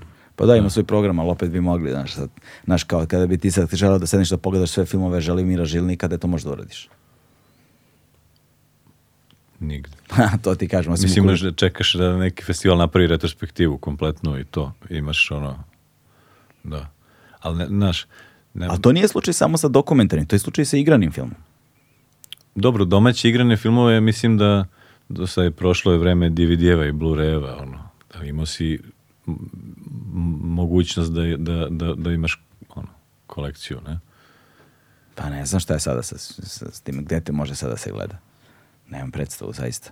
Osim kada prođe fest ili kad prođu to, da kad prođu ti festivali veliki na koje, znaš, iz ovih ili onih razloga neko može ili ne može da dođe i kao želiš da pogledaš film, gde ćeš ga gledaš? A vrlo mali broj njih i dalje od svih tih opet ima biost- bioskopske projekcije. Pa ako misliš na bioskope kao takve, da, Mm. ali mislim na internetu sigurno, na, na VOD platformama sigurno, pogotovo igrani filmovi, ne? Mm, dobro. Zašto svi kače filmove na Vimeo? Šta je fora kod Vimea? Znaš kao, zato što Zato- kad, kad god dobijem Zato film... što nekako je YouTube ne deluje profesionalno, znaš. Ba, evo, ja iz svog Da. iskustva. YouTube je nekako više, ja ga tako percipiram, bar kao kao, kao neki ovaj, svaštaru neku na kojoj možda nađeš fenomenalne stvari. Ali ako, a- a- ako bi okačio svoj film tu, nekako bi mi Znaš, ja stvarno ne, ne znam u čemu je fora. Ti možeš isto tako da ga zaključaš, može bude pod šifrom na isti način kao na Vimeo. Sve je isto potpuno. Pa nekako i do dizajna, ne, i do, i do, do, do Kao opš- zašto sad svi dojma. kao reditelji to kad hoće da imaju, znaš, imaju te svoje zaključene filmove koji su za novinare, za žirije, za ovo, za ono, svi uvek idu na, na, na Vimeo link. I ono idu kucaš password i kao gledaš. Imaš i, imaš i festival scope, ali Da, to je Festival ono, Scope to je nešto drugo, da. mislim možeš da šalješ pozivnici ljudima da gledaju i sa festival scope Da, da, da, da, da. Gledao Ne sam, gledao samo sam- sa Vimea, da. Da, gledao sam i na to, tu sam gledao, pa tu sam ja mislim gledao Mladena Kovačevića ili tako nešto, znaš. Ali, kada smo radili sa Sarajevo film festivalom, pa onda kad smo se pripremali za intervjue, onda sam dobio od njih pristup, pa ima filmove koje možeš, koje ne možeš da gledaš. Ali ono, baš me zanima, pošto nisam do sad nikad dobio YouTube link, ni od koga. Ne, desi svetu. se, desi se. Pazi, mi za Beldux, ovaj, mi, mi funkcionišemo tako što ovaj, imaš festivale koji biraju filmove jel, po prijavama, imaš festivale koji, sam, koji biraju filmove po pozivu. Jel, Mhm. Nemaš ono, open call, nego samo selektori putuju, gledaju i naprave program i onda pozovu filmove.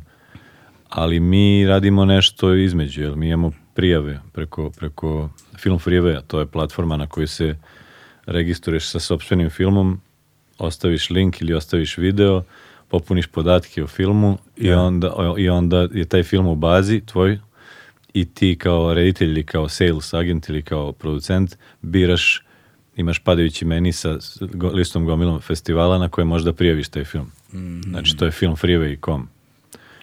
I mi imamo saradnju sa Film Freewayom. Dakle, mi godišnje dobijemo preko Film Freewaya oko, sad smo dobili oko 800 filmova. Mm -hmm. Koje treba pogledati sve, naravno.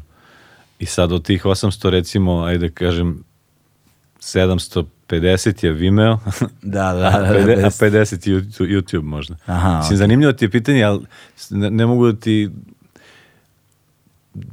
dam precizniji odgovor, sem da, da meni, meni YouTube nekako nešto što mi je vezano više za ono, znaš, kao spektar neverovatnih stvari koje možda nađeš tu, ali ne za posao kao tako. Da, da, da. Da, Zrik se meni je baš vezan za posao. Pa dobro, da. Ali dobro, razumem te. A Znaš, možda je to negde samo po inerciji krenulo svoje vremeno i onda ostalo tako. Zapatilo se. Ko zna. Ali mi je zanimljivo takođe da je YouTube toliko velika platforma da nema konkurentsku platformu. Znači, ako ti hoćeš da kačiš svoj video sadržaj koje praviš poput recimo, ne znam, ovog podcasta na nekoj drugoj, gledanost nula. Ćao. Znači, YouTube nema konkurenciju. Sve na ovome svetu ima konkurenciju. Hleb da praviš imaš konkurenciju. Čaše, šolje, ne znam, video, audio, opremu, čime god da se baviš, dušeke da proizvodiš, sve na ovome svetu ima ozbiljnu konkurenciju. Ali video platforma kao Pazi, YouTube nema i to je to. Američka košarkaška reprezentacija. Šta? Pa teško da ima konkurente. A o tome ne znam ništa, to, znaš, ne pratim da bih, dovoljno da bih znao, znaš. Ali igra se košarka svuda, ono. ne, naravno, da se. Ali da. I igra se i značajno se gleda i prati koliko znam, znaš, sad, ali sad koliko je to u poređenju sa NBA-em, nemam pojma. Ali pre, pretpostavljam da si u pravu. Aj, verovat ću ti na reč.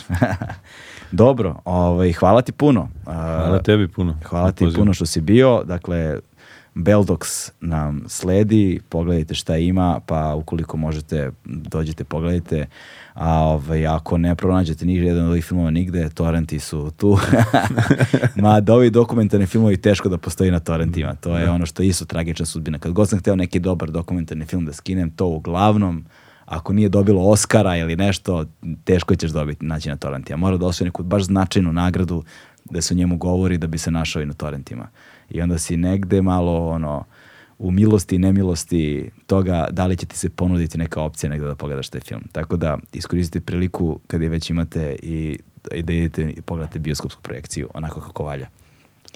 To je to. Hvala ti. Hvala tebi. Stigli smo do kraja. Vidimo se. Ćao.